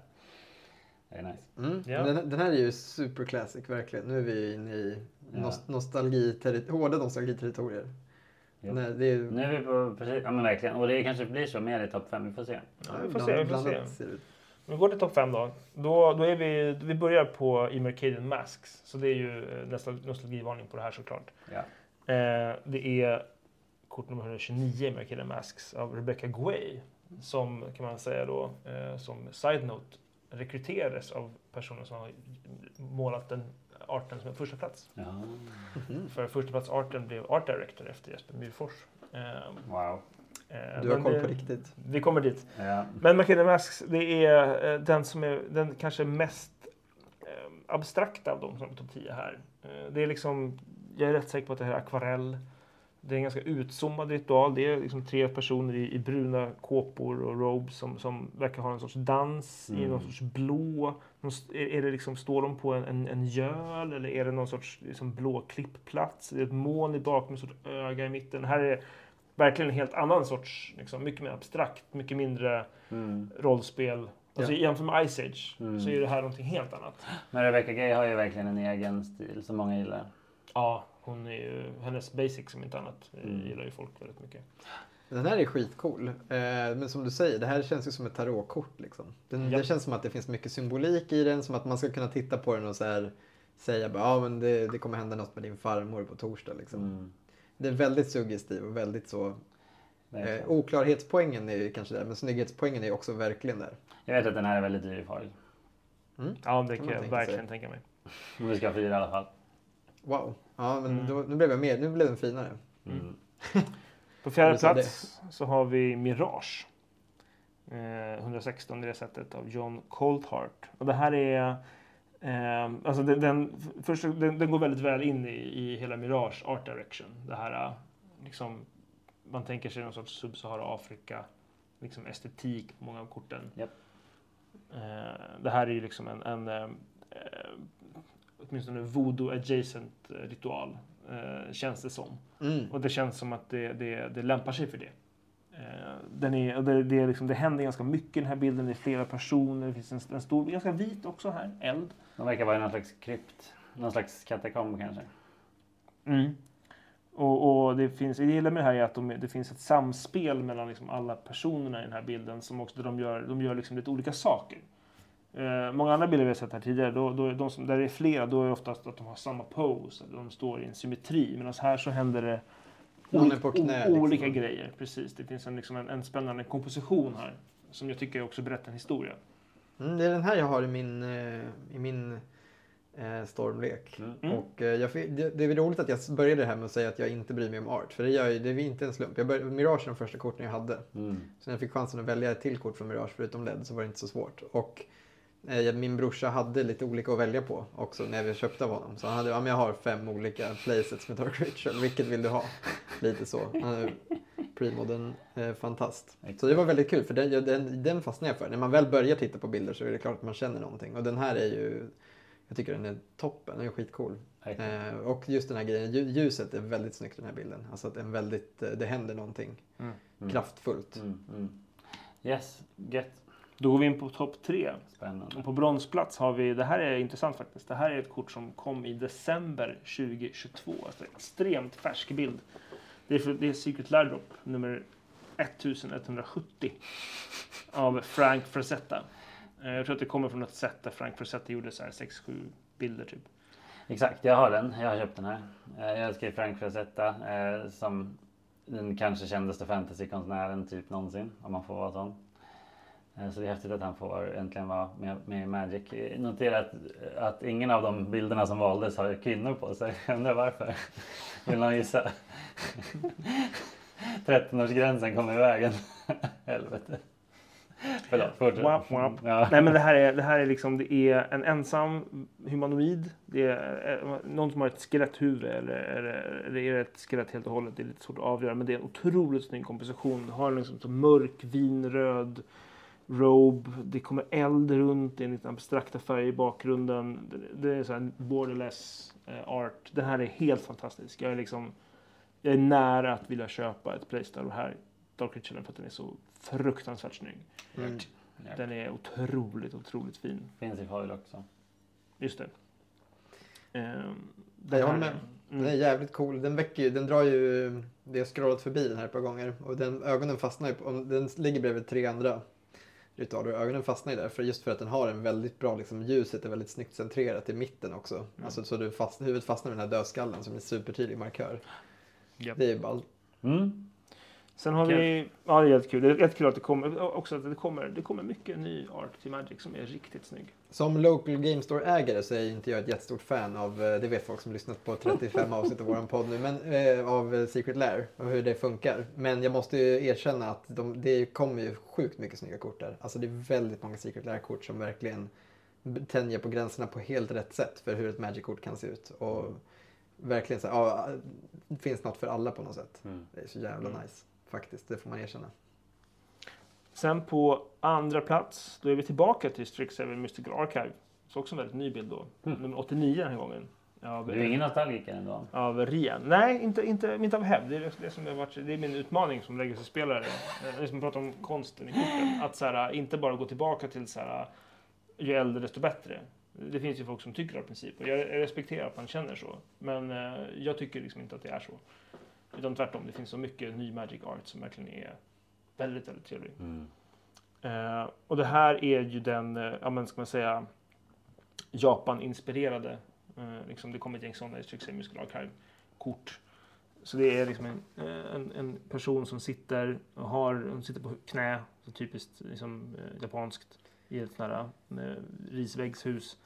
Och det kommer liksom spirits upp ur rök som brinner från ljus. Som är, alltså det är, här, är en, här är också en helt annan sorts dark ritual. Mm. Det här är liksom en dark ritual i så här, om man har läst så här, Samurai, Mm. serietidningen, när man var barn. Mm. Mm. Eh. Eller sett Kurosawa-filmer. Precis. Eh, så det, det är förstås på ett sätt lite tropigt, men det, det är så snyggt att jag skiter i att det är det. Det är också en väldigt rolig take på vad en ritual är. Alltså ritual, när vi som Magic-nördar tänker på ritual, då tänker vi liksom på något magiskt. Men ritualer i liksom vardagligt språk är ju någonting, det kan ju vara liksom hur du plockar upp nycklarna från bordet eller det kan Mm. vara hur din släkt firar påsk. Ja, jo, Och i det här fallet då en jätterituell alltså kultur, så traditionell japansk kultur har ju så här te-ritualer och hur mycket ritualer som helst då som jag inte känner Visst, till visst. förstås. Men det här ser ut lite som en seansstock, alltså en ockult liksom, ritual. Men det är verkligen, det känns ju som det här skulle inte ens behöva vara fantasy. Det skulle också kunna vara rökelse liksom. Ja, Jag, vet, ja. jag håller med, den där är skitcool. Den är Ja. också borderless, den är, den är fantastisk. Hela den serien med kort var ju Ja. väldigt häftig. Alltså det var ju väldigt roligt med de spoilerserna just av de här Ja. Mystical Archives Alt Artsen var ju jätte, ja, det måste jag erkänna, de var faktiskt, många av dem var ju bangers. Time Warp har jag för mig att jag verkligen fastnade för bland annat. Mm. Och på första plats, eh, sist men verkligen inte minst, eh, är det ändå nostalgiskt. Det här Ja. är limited edition alpha beta. Ja. Eh, 90 kort 99 i beta åtminstone. Originalet. Eh, Sandra Everingham. Eh, add a three black mana to your mana pool. Yes. Iskall. Ja, Den är, den är liksom ja, en ja, benig, säga? som det är den här bl- lila blå roben, kommer fram med någon sorts, liksom, det är så att man spelar Drakborgen, Mm. håller upp en, en, en, en bok och den här elden som kommer, får man anta, ur en kittel. Eller är det någonting annat som liksom är, den är både blå och grå och silvrig samtidigt. Det händer väldigt mycket i den här bilden. Den är liksom, den är, den är, ja, den, den är verkligen oslagbar. Den här jäveln ska ju göra något ondskefullt med sina tre svarta Det månar. ser man. Det är ingen tvivel om den saken. Det blir ingen, ingen snaring bridge av det här. Utan det här blir ju någonting. Ännu värre. Det här, blir något, det här är en reanimate på gång. Han är, Ja. han är inte snäll. Nej. Nej. Och det, här, och det här är också det enda, det enda liksom äldre kortet. Jag spelar två betakort i min Reanimator. Det är det här och Swamp. Ja. Ja, nej, men den är ju uptropig, eller vad man ska säga. Den är ju lite klyschig, ja, men det är liksom, den gjordes bokstavligen för 30 år sedan. Det hör verkligen till. Eh, Och den här är väl också den kategorin av så här, om man jämför med en så här hyperdetaljerad bild idag, typ ta valfri eh, battle från March of the Machines kanske, som liksom målar upp en scen med kanske 50 karaktärer som slåss och det är olika monster, du vet, det är ljus och sådär. Så här är verkligen en annan sida av fantasy-konstspektrat om ni förstår vad jag menar. Alltså, så här, det här är väldigt mycket mer avskalat Japp. lite dunkelt sådär. Och rent tekniskt sett så kanske någon skulle säga att det ser inte så avancerat ut. Alltså så här. Men det är ju väldigt estetiskt tilltalande liksom. Men den är skitcool Ja, ja. faktiskt. Oh, ja. Oh, ja. Också som du säger, det är roligt med den här konst... Den här elden är väldigt oklar i den. Alltså det här ljusa elementet i nedre Ja. hörnet. Men det Faktiskt. Ja, som sagt, sen Elmingham rekryterade sen många liksom, eh, väldigt eh, framgångsrika artists. Mm. Eh, som Rebecca Guay, jag tror Therese Nielsen och ett gäng andra. Eh, håller numera på med vin tror jag. Men, men liksom, Det, det är väldigt roligt också, för skulle någon kritisera till exempel den här bilden för att vara enkel så skulle man kanske behöva titta på ett lite bredare spektra av de tidiga Magic Artsen. Ja. Så får man också kanske mer respekt för till exempel den här. Den funkar ju väldigt bra men det finns andra kort som kanske har mer tvivelaktig eh, verkshöjd. Japp. Ja men wow, det var ju en lite speciell topp 10. Det får vi säga, för oss väldigt speciell. Men gillar man sånt här artsnack och lite så eh, deep och ibland hot takes på art skulle jag vilja säga. Då är Ja, eran men podd det här med Secret Lair Art i topp 3 liksom. Ja, men exakt, då är eran, eran podd har ju inslag av det här, återkommande inslag. ja, absolut. Om man, om man gillar sånt här, då har vi på vår Discord finns det kanaler också för all art som vi lägger upp om man liksom vill titta och, Ja. och föreslå själv. Underbart. Vi, Ja, vi kommer se till att droppa lite Mm. länkar till, eh, till det här så att folk får möjlighet att ta del av det. Japp. Det asfint. Och vi tackar också för, för eh, det här. Det är också tydligt, vi har, kanske vi har en framtida gäst till ett eventuellt artavsnitt också då, så Det vet vi så. vart vi ska vända oss. Det är verkligen. Ja, Ja, Kul. Men, grymt. Men då så. Då ska vi väl avrunda temat alltså vi har ju tänkt att vi ska ge lite tips till den som vill kasta sig in i Legacy. Den som vill kasta sig in i Dark Ritual-samlande. Ja, det, är helt annat. det är roligt, vi, jag ska bara säga en sista anekdot, det är inte så bra för vår tidsplan. Men vi har ju skämtat om så här, skulle man kunna göra ett avsnitt om ett kort? Och det är så här, ja det är klart så fan man kan det. Men ett av korten vi har pratat om som skulle vara ganska lätt att göra dem är just Dark Ritual. Alltså prata om så här, ja, men hur har kortet spelats genom historien? Eh, varför håller det fortfarande måttet? Man Ja. kan prata om vilken cykel den kommer ifrån. Det finns hur mycket som helst att säga. Och uppenbarligen art också. Så Ja. det är verkligen ett exempel. Men så här, ja, det är det som är så kul med att ha podd om just Magic. Alltså att det är fruktansvärt djup hobby. Det Ja. finns liksom ingen gräns för Nej. hur smalt man kan gå. Eh, och det finns förmodligen någon som vill lyssna på det. Eh, men tips till nya Legacy-spelare då. Mm. Eh, och det, där är mitt förslag att vi kör samma koncept som vi gjorde nyss när vi droppar lite lekar. Att vi alla får liksom komma med varsitt, så här, ja men det här skulle jag tänka på om jag skulle börja med Legacy idag. Alltså, vad är min första liksom, viktigaste att hålla koll på? Och det man kan väl smyga in lite flera små tips om man vill det också. Mm. Någon som känner sig manad att, att börja. Ja, men jag skulle säga börja med att lägga sig i Sverige eh, och mycket i Europa är just nu ett aktivt kommundrivet format. Det är Mm. liksom ingenting som Wizards pushar. De har annat för sig som de tjänar mer pengar på. Eh, det är också svårt för många ska säga, butiker att pusha hårt. Eh, för att det är en ganska liten spelarbas som också ofta inte heller är kunder i butiken. Alltså så. Eh, så det, det är liksom en, en, en- svår grupp för en, om du driver en butik att, att liksom, ja, catera till legacy-spelare. För de kommer dit och spelar sina turneringar, sen går de. De kommer inte köpa boosters. Antagligen. Men det gör också att det finns många människor som spelar legacy som vill att andra också ska spela legacy. Så hitta andra som spelar legacy och säg hejsan, jag vill testa. Har någon en lek att låna ut till mig? Antingen till något ja, men spel lokalt eller vid köksbordet eller så. Innan du liksom börjar köpa in dig i legacy så, så tycker jag du ska bli kompis med legacy-spelare och låna Mm. deras lekar och låta dem visa dig vad de här lekarna går för. Ja. Ja. Bra, superbra tips. Verkligen, verkligen. Och jag menar, jag... Inte för att... Jo, okej då. Eh, det här är ju, det känns som att du, Edvard, och även vår kompis Robert eh, har gjort, gjort det här misstaget några gånger att man bygger en lek för fort. Alltså innan man hunnit speltesta den. Alltså man vet inte ens om man tycker om leken. Eh, och just med ett så dyrt format som Legacy så är det kanske bra att undvika det om det går. Alltså att testa online eller vara med låna av någon eller åtminstone liksom kolla mycket på Youtube om det ser kul ut. Eller hur? Ja, verkligen. Det, vissa lekar kanske man gillar i teorin men kanske inte i praktiken också.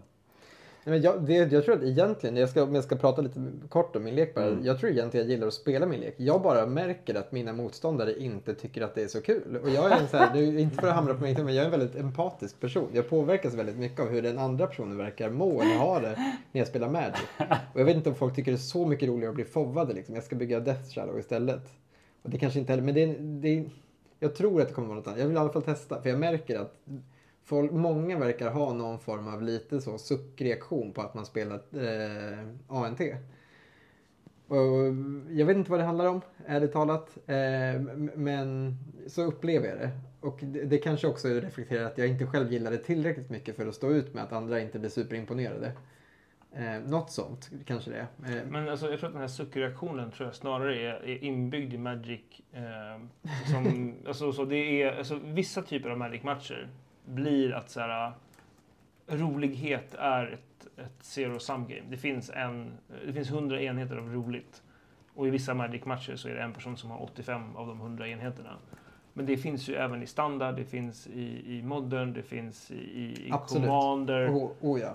Och, och där tror jag att, att bara vissa legacy-lekar kanske skapar fler matcher där det är så. De möter Reanimator och du har inte ditt main deck gravhat eller en kontring på handen. Då är game off ett ofta inte jättekul för motståndaren. För du kan ofta inte göra någonting åt Nej. saken. Men så är det precis som man spelar standard och möter en kontrolllek som sweepar brädet och som sen spelar en planeswalker och, eh, och visst. Fable of the Mirror Breaker. Alltså då sitter man där med sina fem länder och ett djur på handen och känner sig inte så jävla bra. Liksom. Så jag tror att det är mer... Men det är också som i parti schack som har gått förbi liksom mid-game, där man vet vem som kommer vinna. Alltså hur kul är det att spela ett schackparti när man vet att man kommer förlora? Alltså jag tror att det är... Man får bara leva med det. Man får leva med det tror jag. Det får man, det får man liksom, spelar man inte co-op-game, alltså, då, då, då, då händer det här. Jo. Så jag tycker inte du ska känna dig nervös över det. Däremot så tycker jag att poäng. Shadow är en lek du ska spela, för den är jävligt ball. Men jag tror också, jag pratade lite, vi har ju redan nämnt honom, men jag tror det är svårt att prata om Legacy i Stockholm utan att han kanske eh, nämns ett par gånger. Det är Andreas igen då, men jag spelade faktiskt mot Andreas igår då, på Mm. torsdags Legacyn. Och eh, passade på att fråga honom sen, men vad tycker du kanske att jag skulle bygga för lek om jag ska bygga något nytt? Eller har du något tips på eh, ny formatet och vill lära mig spel? Men han, och hans tips var, och det skickar jag väl ut då till folk också nu, och det var att men börja kanske med något blått med fobbar och dejsar. Om du vill. Ja. För att det är ett bra sätt att lära sig spela mot det. Eh, Precis. Och det köper jag verkligen. Och, och just den här grejen att- spela just Death Shadow blir ännu bättre. För du får också fortsätta, jag får fortsätta spela Thoughtseize som också är ett sånt kort som bygger väldigt mycket på att lära sig vad motståndaren håller på med. Så Mm. du får liksom få djupdyka ner i formatet om du både spelar Thoughtseize, FOV och Days i en lek. För att det blir väldigt mycket så att du måste lära dig Ja men vad ska du inte, det tycker jag också är en så klok grej. Det var nog ni som sa på er podd nu och Andreas har det också. Att bli bra på det här, vad ska jag inte kontra? Det är Mm. en sak att försöka liksom Mm. se vad man ska kontra. Men just den här grejen att fatta liksom, men jag kan skita i att kontra den här spelen. Det är inte det som vinner matchen. Jag har råd att släppa igenom en Talia. Jag har råd att släppa igenom en, en brainstorm. Men jag kan absolut inte släppa igen och så vidare. Ni fattar. Att, att hitta det. Och då är det väldigt bra att vara den som håller i det. För då får du ju 100% eh, repetition med de korten. Japp. Jämfört med att annars behöva vänta tills de gångerna du möter dem. Jag tror att det är verkligen smart att eh, FOV och Days och Wasteland spelar den leken också och Thoughtseize är väldigt sådana här kort som eh, tvingar dig att djupdyka ner i vad håller motståndaren på med.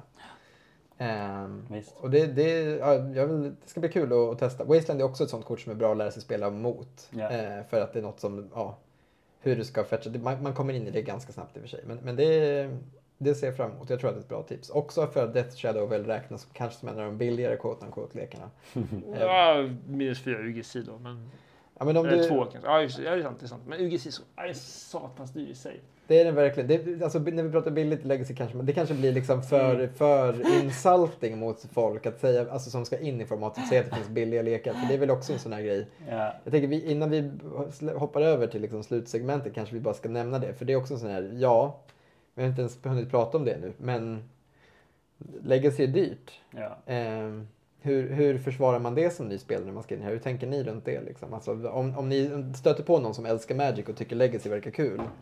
hur liksom river man av plåstret som är den här prislappen på 30 000 för att köpa en av de billiga lekarna? Ja, alltså det är kanske det du sa. Eh, lär känna folk och låna kort. Ja, men det, det är en metod förstås. Annan metod tänker jag så här, om man, är, har man, om man kan avvara liksom 10-15 000 kronor i sparande, då kan man köpa länder. Det finns väldigt lite som liksom talar, talar för att dubbelländer eller Cities of Traitors eller gamla Prince of Ancient Tombs eller man till och med köper en Tabernacle eller sådär. Att de kommer gå ner i pris över tid och att de kommer sakna köpare om tre år. Det kommer de inte göra. Inte ens, skulle jag säga, om Wizards till slut någon gång liksom reprintar Jewels. Det kommer Mm. inte sänka De priset. gjorde det nästan nu. Ja, det kommer inte reprinta, det kommer inte sänka priset på original Jewels. På samma sätt som att du kan fortfarande köpa en Beta Birds of Paradise för jättemycket pengar. Trots att Birds of Paradise finns i liksom 18 miljoner versioner. Eller Lightning Bolt eller Swords Ja. of Plowshares. Japp. Så det, det, det, är en, det är en ganska säker liksom, investering på det sättet. Att du behöver inte se, det, du behöver inte se just manabasen som en sank kost. Utan du kan se manabasen som pengar du kan ta tillbaka om du skulle behöva och vilja. Ja. Och då tror jag att det är mycket lättare att känna att jag kan gå in i det här formatet utan att känna mig som en förlorare. Ja. Om jag råkar tycka att det är tråkigt. Du kan Mm. sälja den duels och köpa andra duels. Precis, och egentligen då om vi tänker att man redan är en modern-spelare eller pionjärspelare så behöver det inte vara så att de korten du behöver skaffa utöver länderna egentligen är dyrare då än, än de är i de andra formaten. För det är ofta ungefär samma kort ärligt talat. Det är typ Fovarna kan ju sticka ut där lite eller typ Wastelands och lite sådana kort som är. Mm. Alltså Wastelands tycks många gånger de är inte så hemskt dyra längre. Här kanske de inte är. Det kanske bara är från Stronghold som de är dyra. Nej, inte där heller. Okej. Det låter ju väldigt lovande. Nej, men för, det, för det var lite det jag tänkte. Jag tror det är väl en sån här grundfråga som många, många tror jag har när de ska in i formatet. Och jag håller, jag håller verkligen med dig. Det har jag tänkt även runt modden. Att så här, det kan vara jobbigt i modden för att det kan vara något kort som du köpte som råkade bli reprintat eller blev liksom utkonkurrerat som blev dyrt. Men när du har en 75, alltså 75 kort. Det är osannolikt att hela leken faller liksom steep i pris snabbt. Och det är, gam, alltså det är ändå fortfarande en väldigt aktiv marknad där folk köper och säljer mycket. Mm. Så det är ju, du, man behöver inte se det, till skillnad från till exempel golf eller andra hobbys som vi nämnde förut, eh, eller segling och sånt, så är det ju liksom ett, en, eh, det är mer som du säger, man låser upp sina pengar. Mm. Och det kan vara jobbigt, men, men det är ju inte förlorade pengar och det är väl de flesta Magic-spelare medvetna om. Ja. Eh, så då, då ska det ju mer, det, blir, det kan vara ett stort steg att ta, men, ja. men ja. ja. Men jag tror man ska tänka så här också. Eh, Och det här är någonting jag jag har sagt tidigare kanske. Men att spela legacy som är, eh, pratar om här med så här, tur ett och det kan vara ett så här intimidating format. Eh, Att det är så här, man, man kan vara liksom nästan lite rädd för vad fan är det som pågår här? Jag förstår ingenting. Mm. Mm. Och i början så kanske det är lite så. För det finns massa eh, liksom, interaktioner som du inte stöter på någon annanstans i Magic. Eh, Kanske i Vintage då. Mm.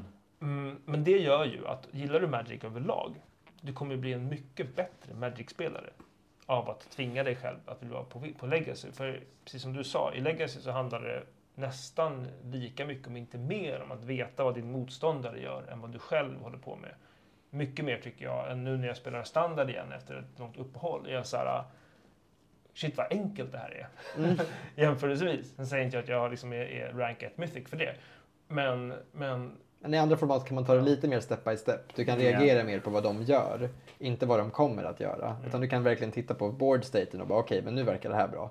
Men det är inte en hållbar strategi i Legacy. Nej, det är inte så. i Legacy så handlar det nästan alltid om att göra minst antal misstag eller att få din motståndare att göra misstag. Jo. Eller göra fel prioritering, precis som du Mm. pratade om. Vad ska man kontra? Vad ska man, vad ska man ta bort? Ja, hur ska man bräda? Och att, att bli bra på det gör att du kommer bli otroligt bra på att spela liksom andra constructed-format. Mm. Ja. Förmodligen.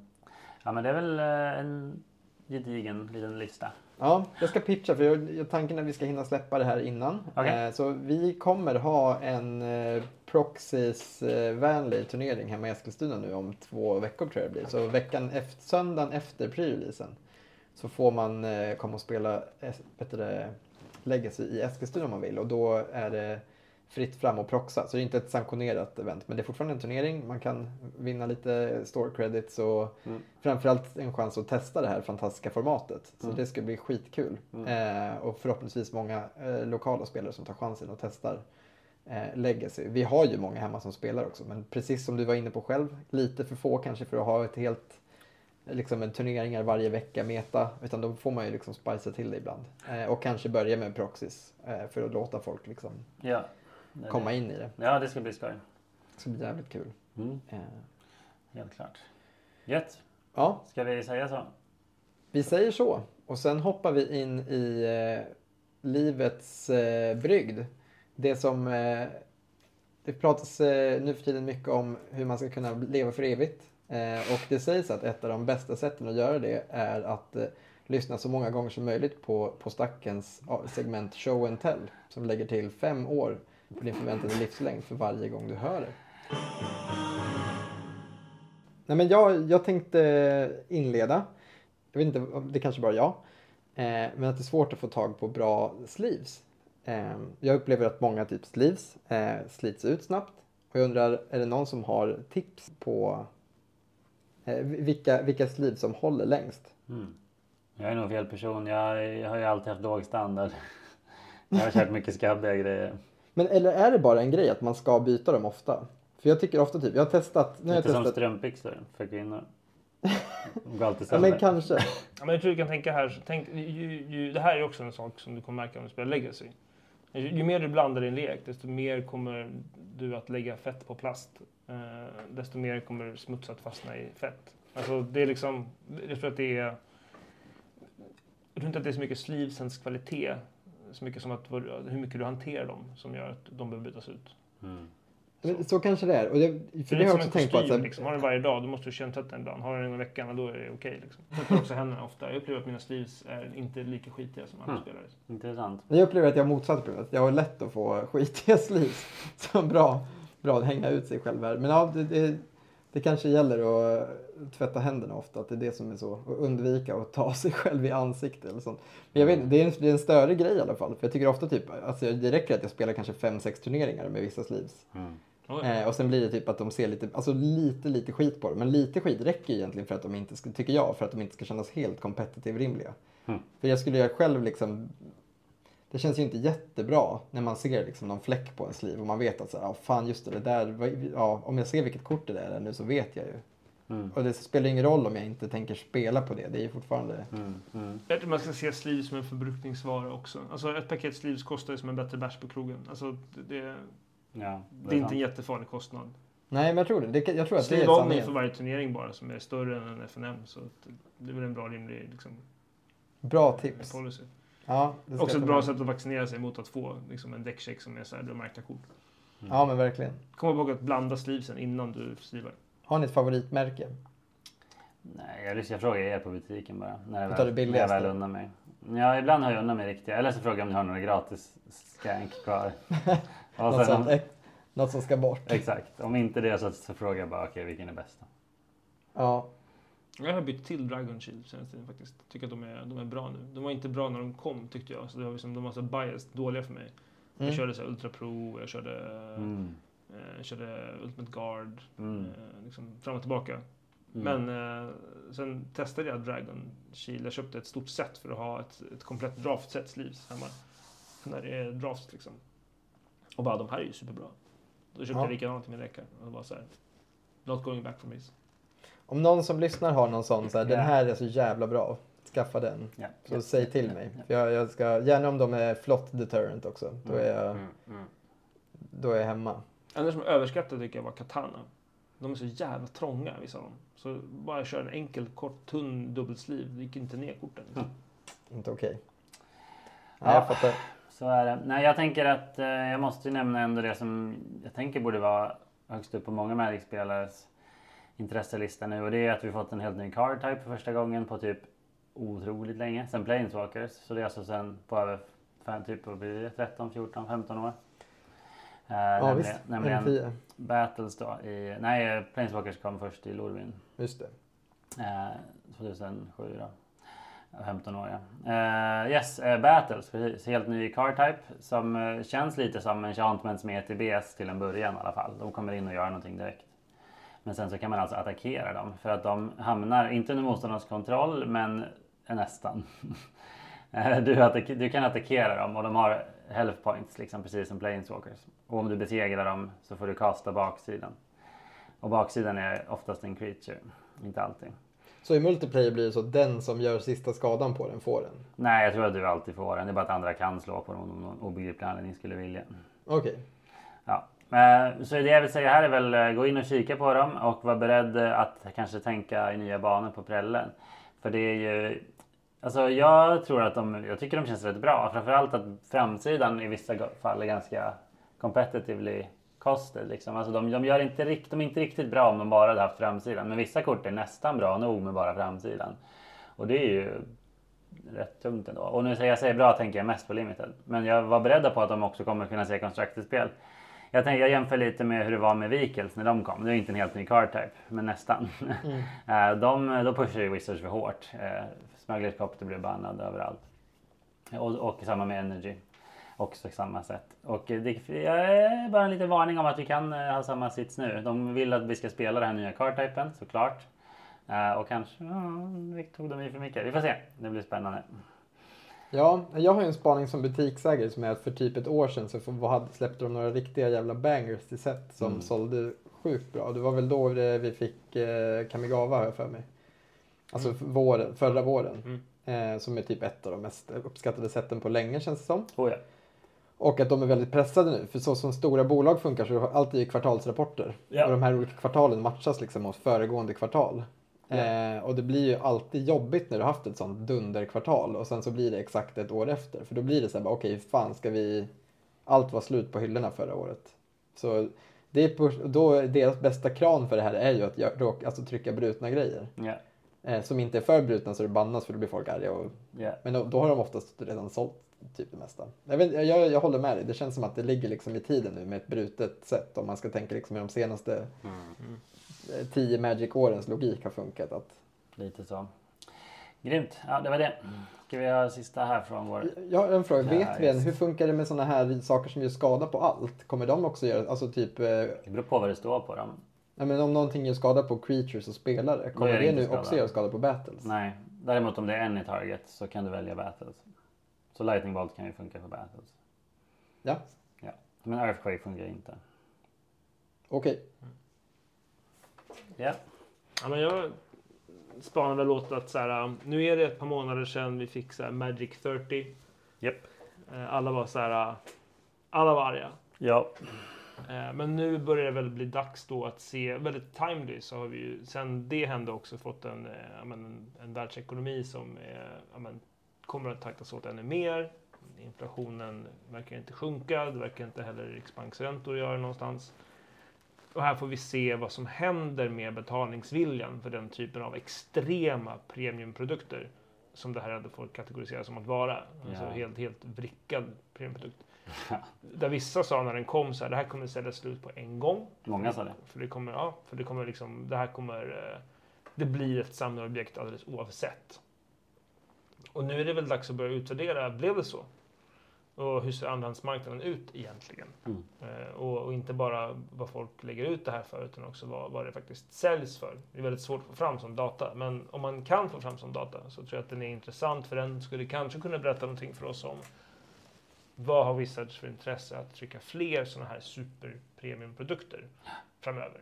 Mm. Blir det här ekonomiskt framgångsrikt för dem, då är det ju verkligen som att trycka två miljarder liksom, pengar bara så.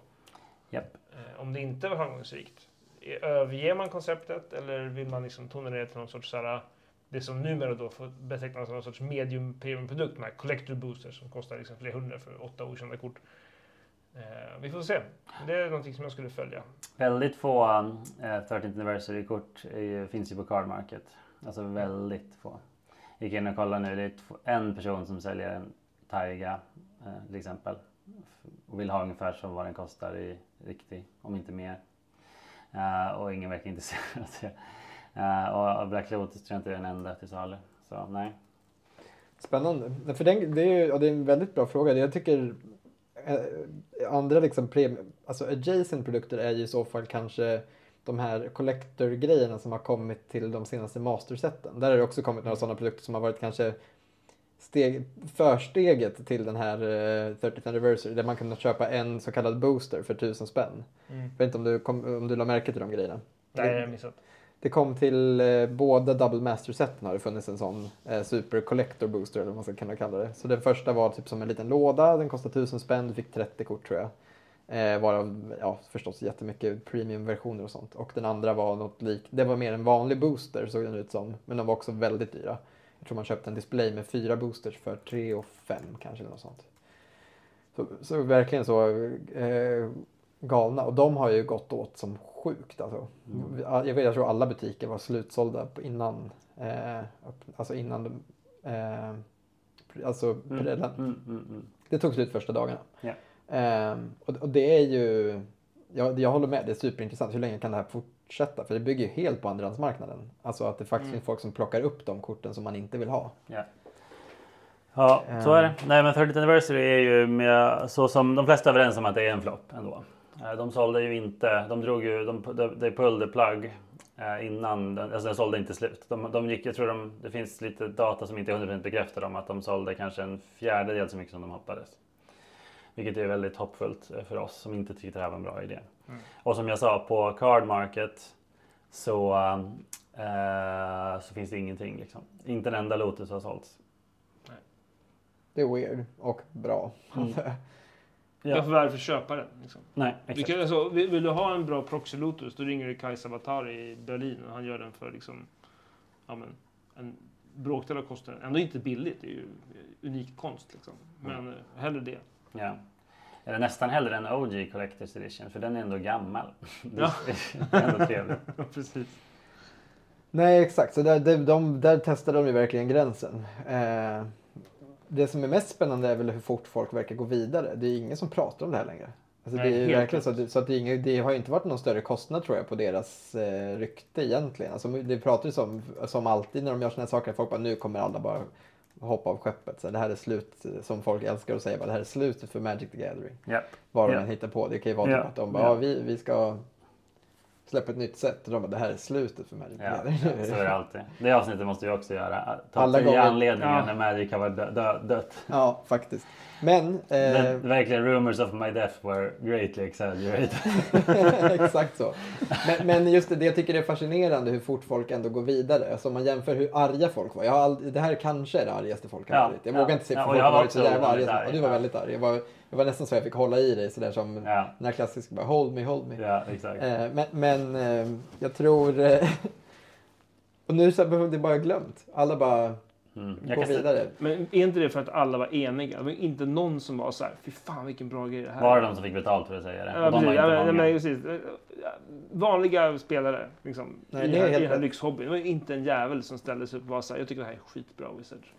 För, det, för att ingen tyckte det överhuvudtaget. Och det finns inget att prata om här. Alla är överens. Och nu är alla så här, okej, ingen tyckte det var bra. Orkar inte prata om det. Nej. Nej, Det men är mycket, mycket roligare att göra, liksom, göra YouTube-content på sånt som folk är oeniga om. Då får man klick. Yes, så är det. Men det, det, det, är väldigt sant. Eh, Bra grejer. Låt oss hoppas då att det, att det leder till att de inte fortsätter med Ja. exakt den grejen. Det, och de- det, så kommer det nog bli. Alltså, men de kommer nog försöka något liknande förr eller senare. Men något annat. Ja. Det var extra synd att de brände sitt 30-årsfirande på det här. För så blev det ju lite om man ska vara sann. Det blev ju lite, det, det blev ju lite flopp över hela Ja. 30-årsfirande grejen på grund Ja. av exakt det här. Ja. Det, det, det får man nog ändå erkänna. Att Ja, verkligen. Det är det man kommer komma ihåg om fem år. När man tänker, hur firade vi 30-årsjubileet för Magic the Gathering? Bara, just det, det var i den där lilla lådan. Eh, Som ingen köpt. En sjuk anekdot på den är att alla VPN-butiker fick en sån låda. Vi kommer få våra nu när som helst. Ja, vad fan så vi får ju en sån Har display med fyra såna Collector Edition Booster. boosters i. Eh, skitskumt. Jag har ingen aning vad vi ska göra med den. Det är verkligen en sån här grej som man bara, vad, vad gör man med Ja, den? men då är ett tips. Ja, Eh, när de första så här, den här sortens produkten kom, som var typ det här eh, när Magic fyllde 20. Och det kom den här eh, lådan med, med 20 foilkort, en för varje år. Typ. Mm. Det var en foil Jace och det fanns en foil liksom, eh, Fyndhorn Elves och allt vad det var.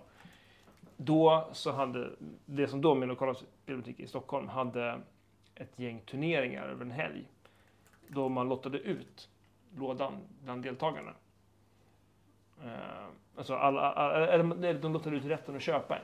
För att det var så här, de var så här, vi kan inte ha ett rimligt kösystem, det kommer för den som inte hinner. Utan man lottade ut så här, du får köpa om du vill. eh, liksom, en sån här låda. Blev inte bara att jag och min kompis Gösta råkade vinna tre av fyra lotter den här helgen. Så vi rakeade butiken på de här lådorna. Alla blev skitarga. De kanske skulle ha haft en klausul att man kan bara vinna en lott. Men, eh. Eh, Så föll den lotten. Kan man Ja, säga. det var ändå precis. så här 70-80 personer med och spelade. Nej, Viktor Berns. Ja, det är jag. Wow. Sen en gång till. Yes. Aj, aj, aj. Ja, nej, det är bra. Det var tur att det inte var du som hade gjort eh, systemet i alla fall, hoppas jag. Då hade det kanske varit lite, ännu, lite, ännu lite jobbigare. Men gör det, då kommer det garanterat vara folk som kommer till turneringen i alla fall. Ja, precis. Vi får, det, är, det är nog bra. Något sånt blir det definitivt. Nej, men, eh, superkul. Vi ska göra en, eh, tacka våra hjälpredor som är utspridda över landet här. Eh, vi fortsätter att ladda upp våra poddar med hjälp av eh, den, den hårt arbetande tvåbarnsfadern eh, Tobias Persson. Istället för att skaffa någon rimlig sån tjänst för att ladda upp det helt själva med två klick så får han sitta och lägga upp det på en databas åt oss. Det, så är det. Vi har fått en jättefin omslagsbild av Nick Staffas. Vi har fått en textlogotyp av Ember Artworks och vi har fått en jingle av eh, musikgeniet Marcus Östlund. Mm. Vackert. Eh, Vill man höra mer av våran gäst eh, Viktor så kan man här på Spotify till exempel eller i, i andra poddsammanhang lyssna på, för ni brukar själva plugga någon annan poddtjänst? Visst är det så? Ja, vi, vi brukar plugga att vi finns på Topdecks app. Alltså Mm. appen där. Men vi finns i alla podcastmaskiner ska man kunna hitta oss. Ja. Eh, Så, Och då söker man på Stockholm Legacy Report. yes. Ja, det kan jag verkligen rekommendera. Vi, vi publicerar på Acast-plattformen så där kan man också hitta oss liksom webbaserat. Men Mm. eh, ja, nästan alla våra lyssnare är på antingen Apple Podcasts, Google Podcasts eller Spotify. Ja. Det har varit superkul att ha dig här. Ja. Det var jättekul att vara här. Tack så mycket för tillfället. Ja, Jättetrevligt. Mm, amazing. Kunde inte ha hoppats på en bättre representant för formatet, eller hur? nej, Nu är vi verkligen. taggade på att få lira lite också.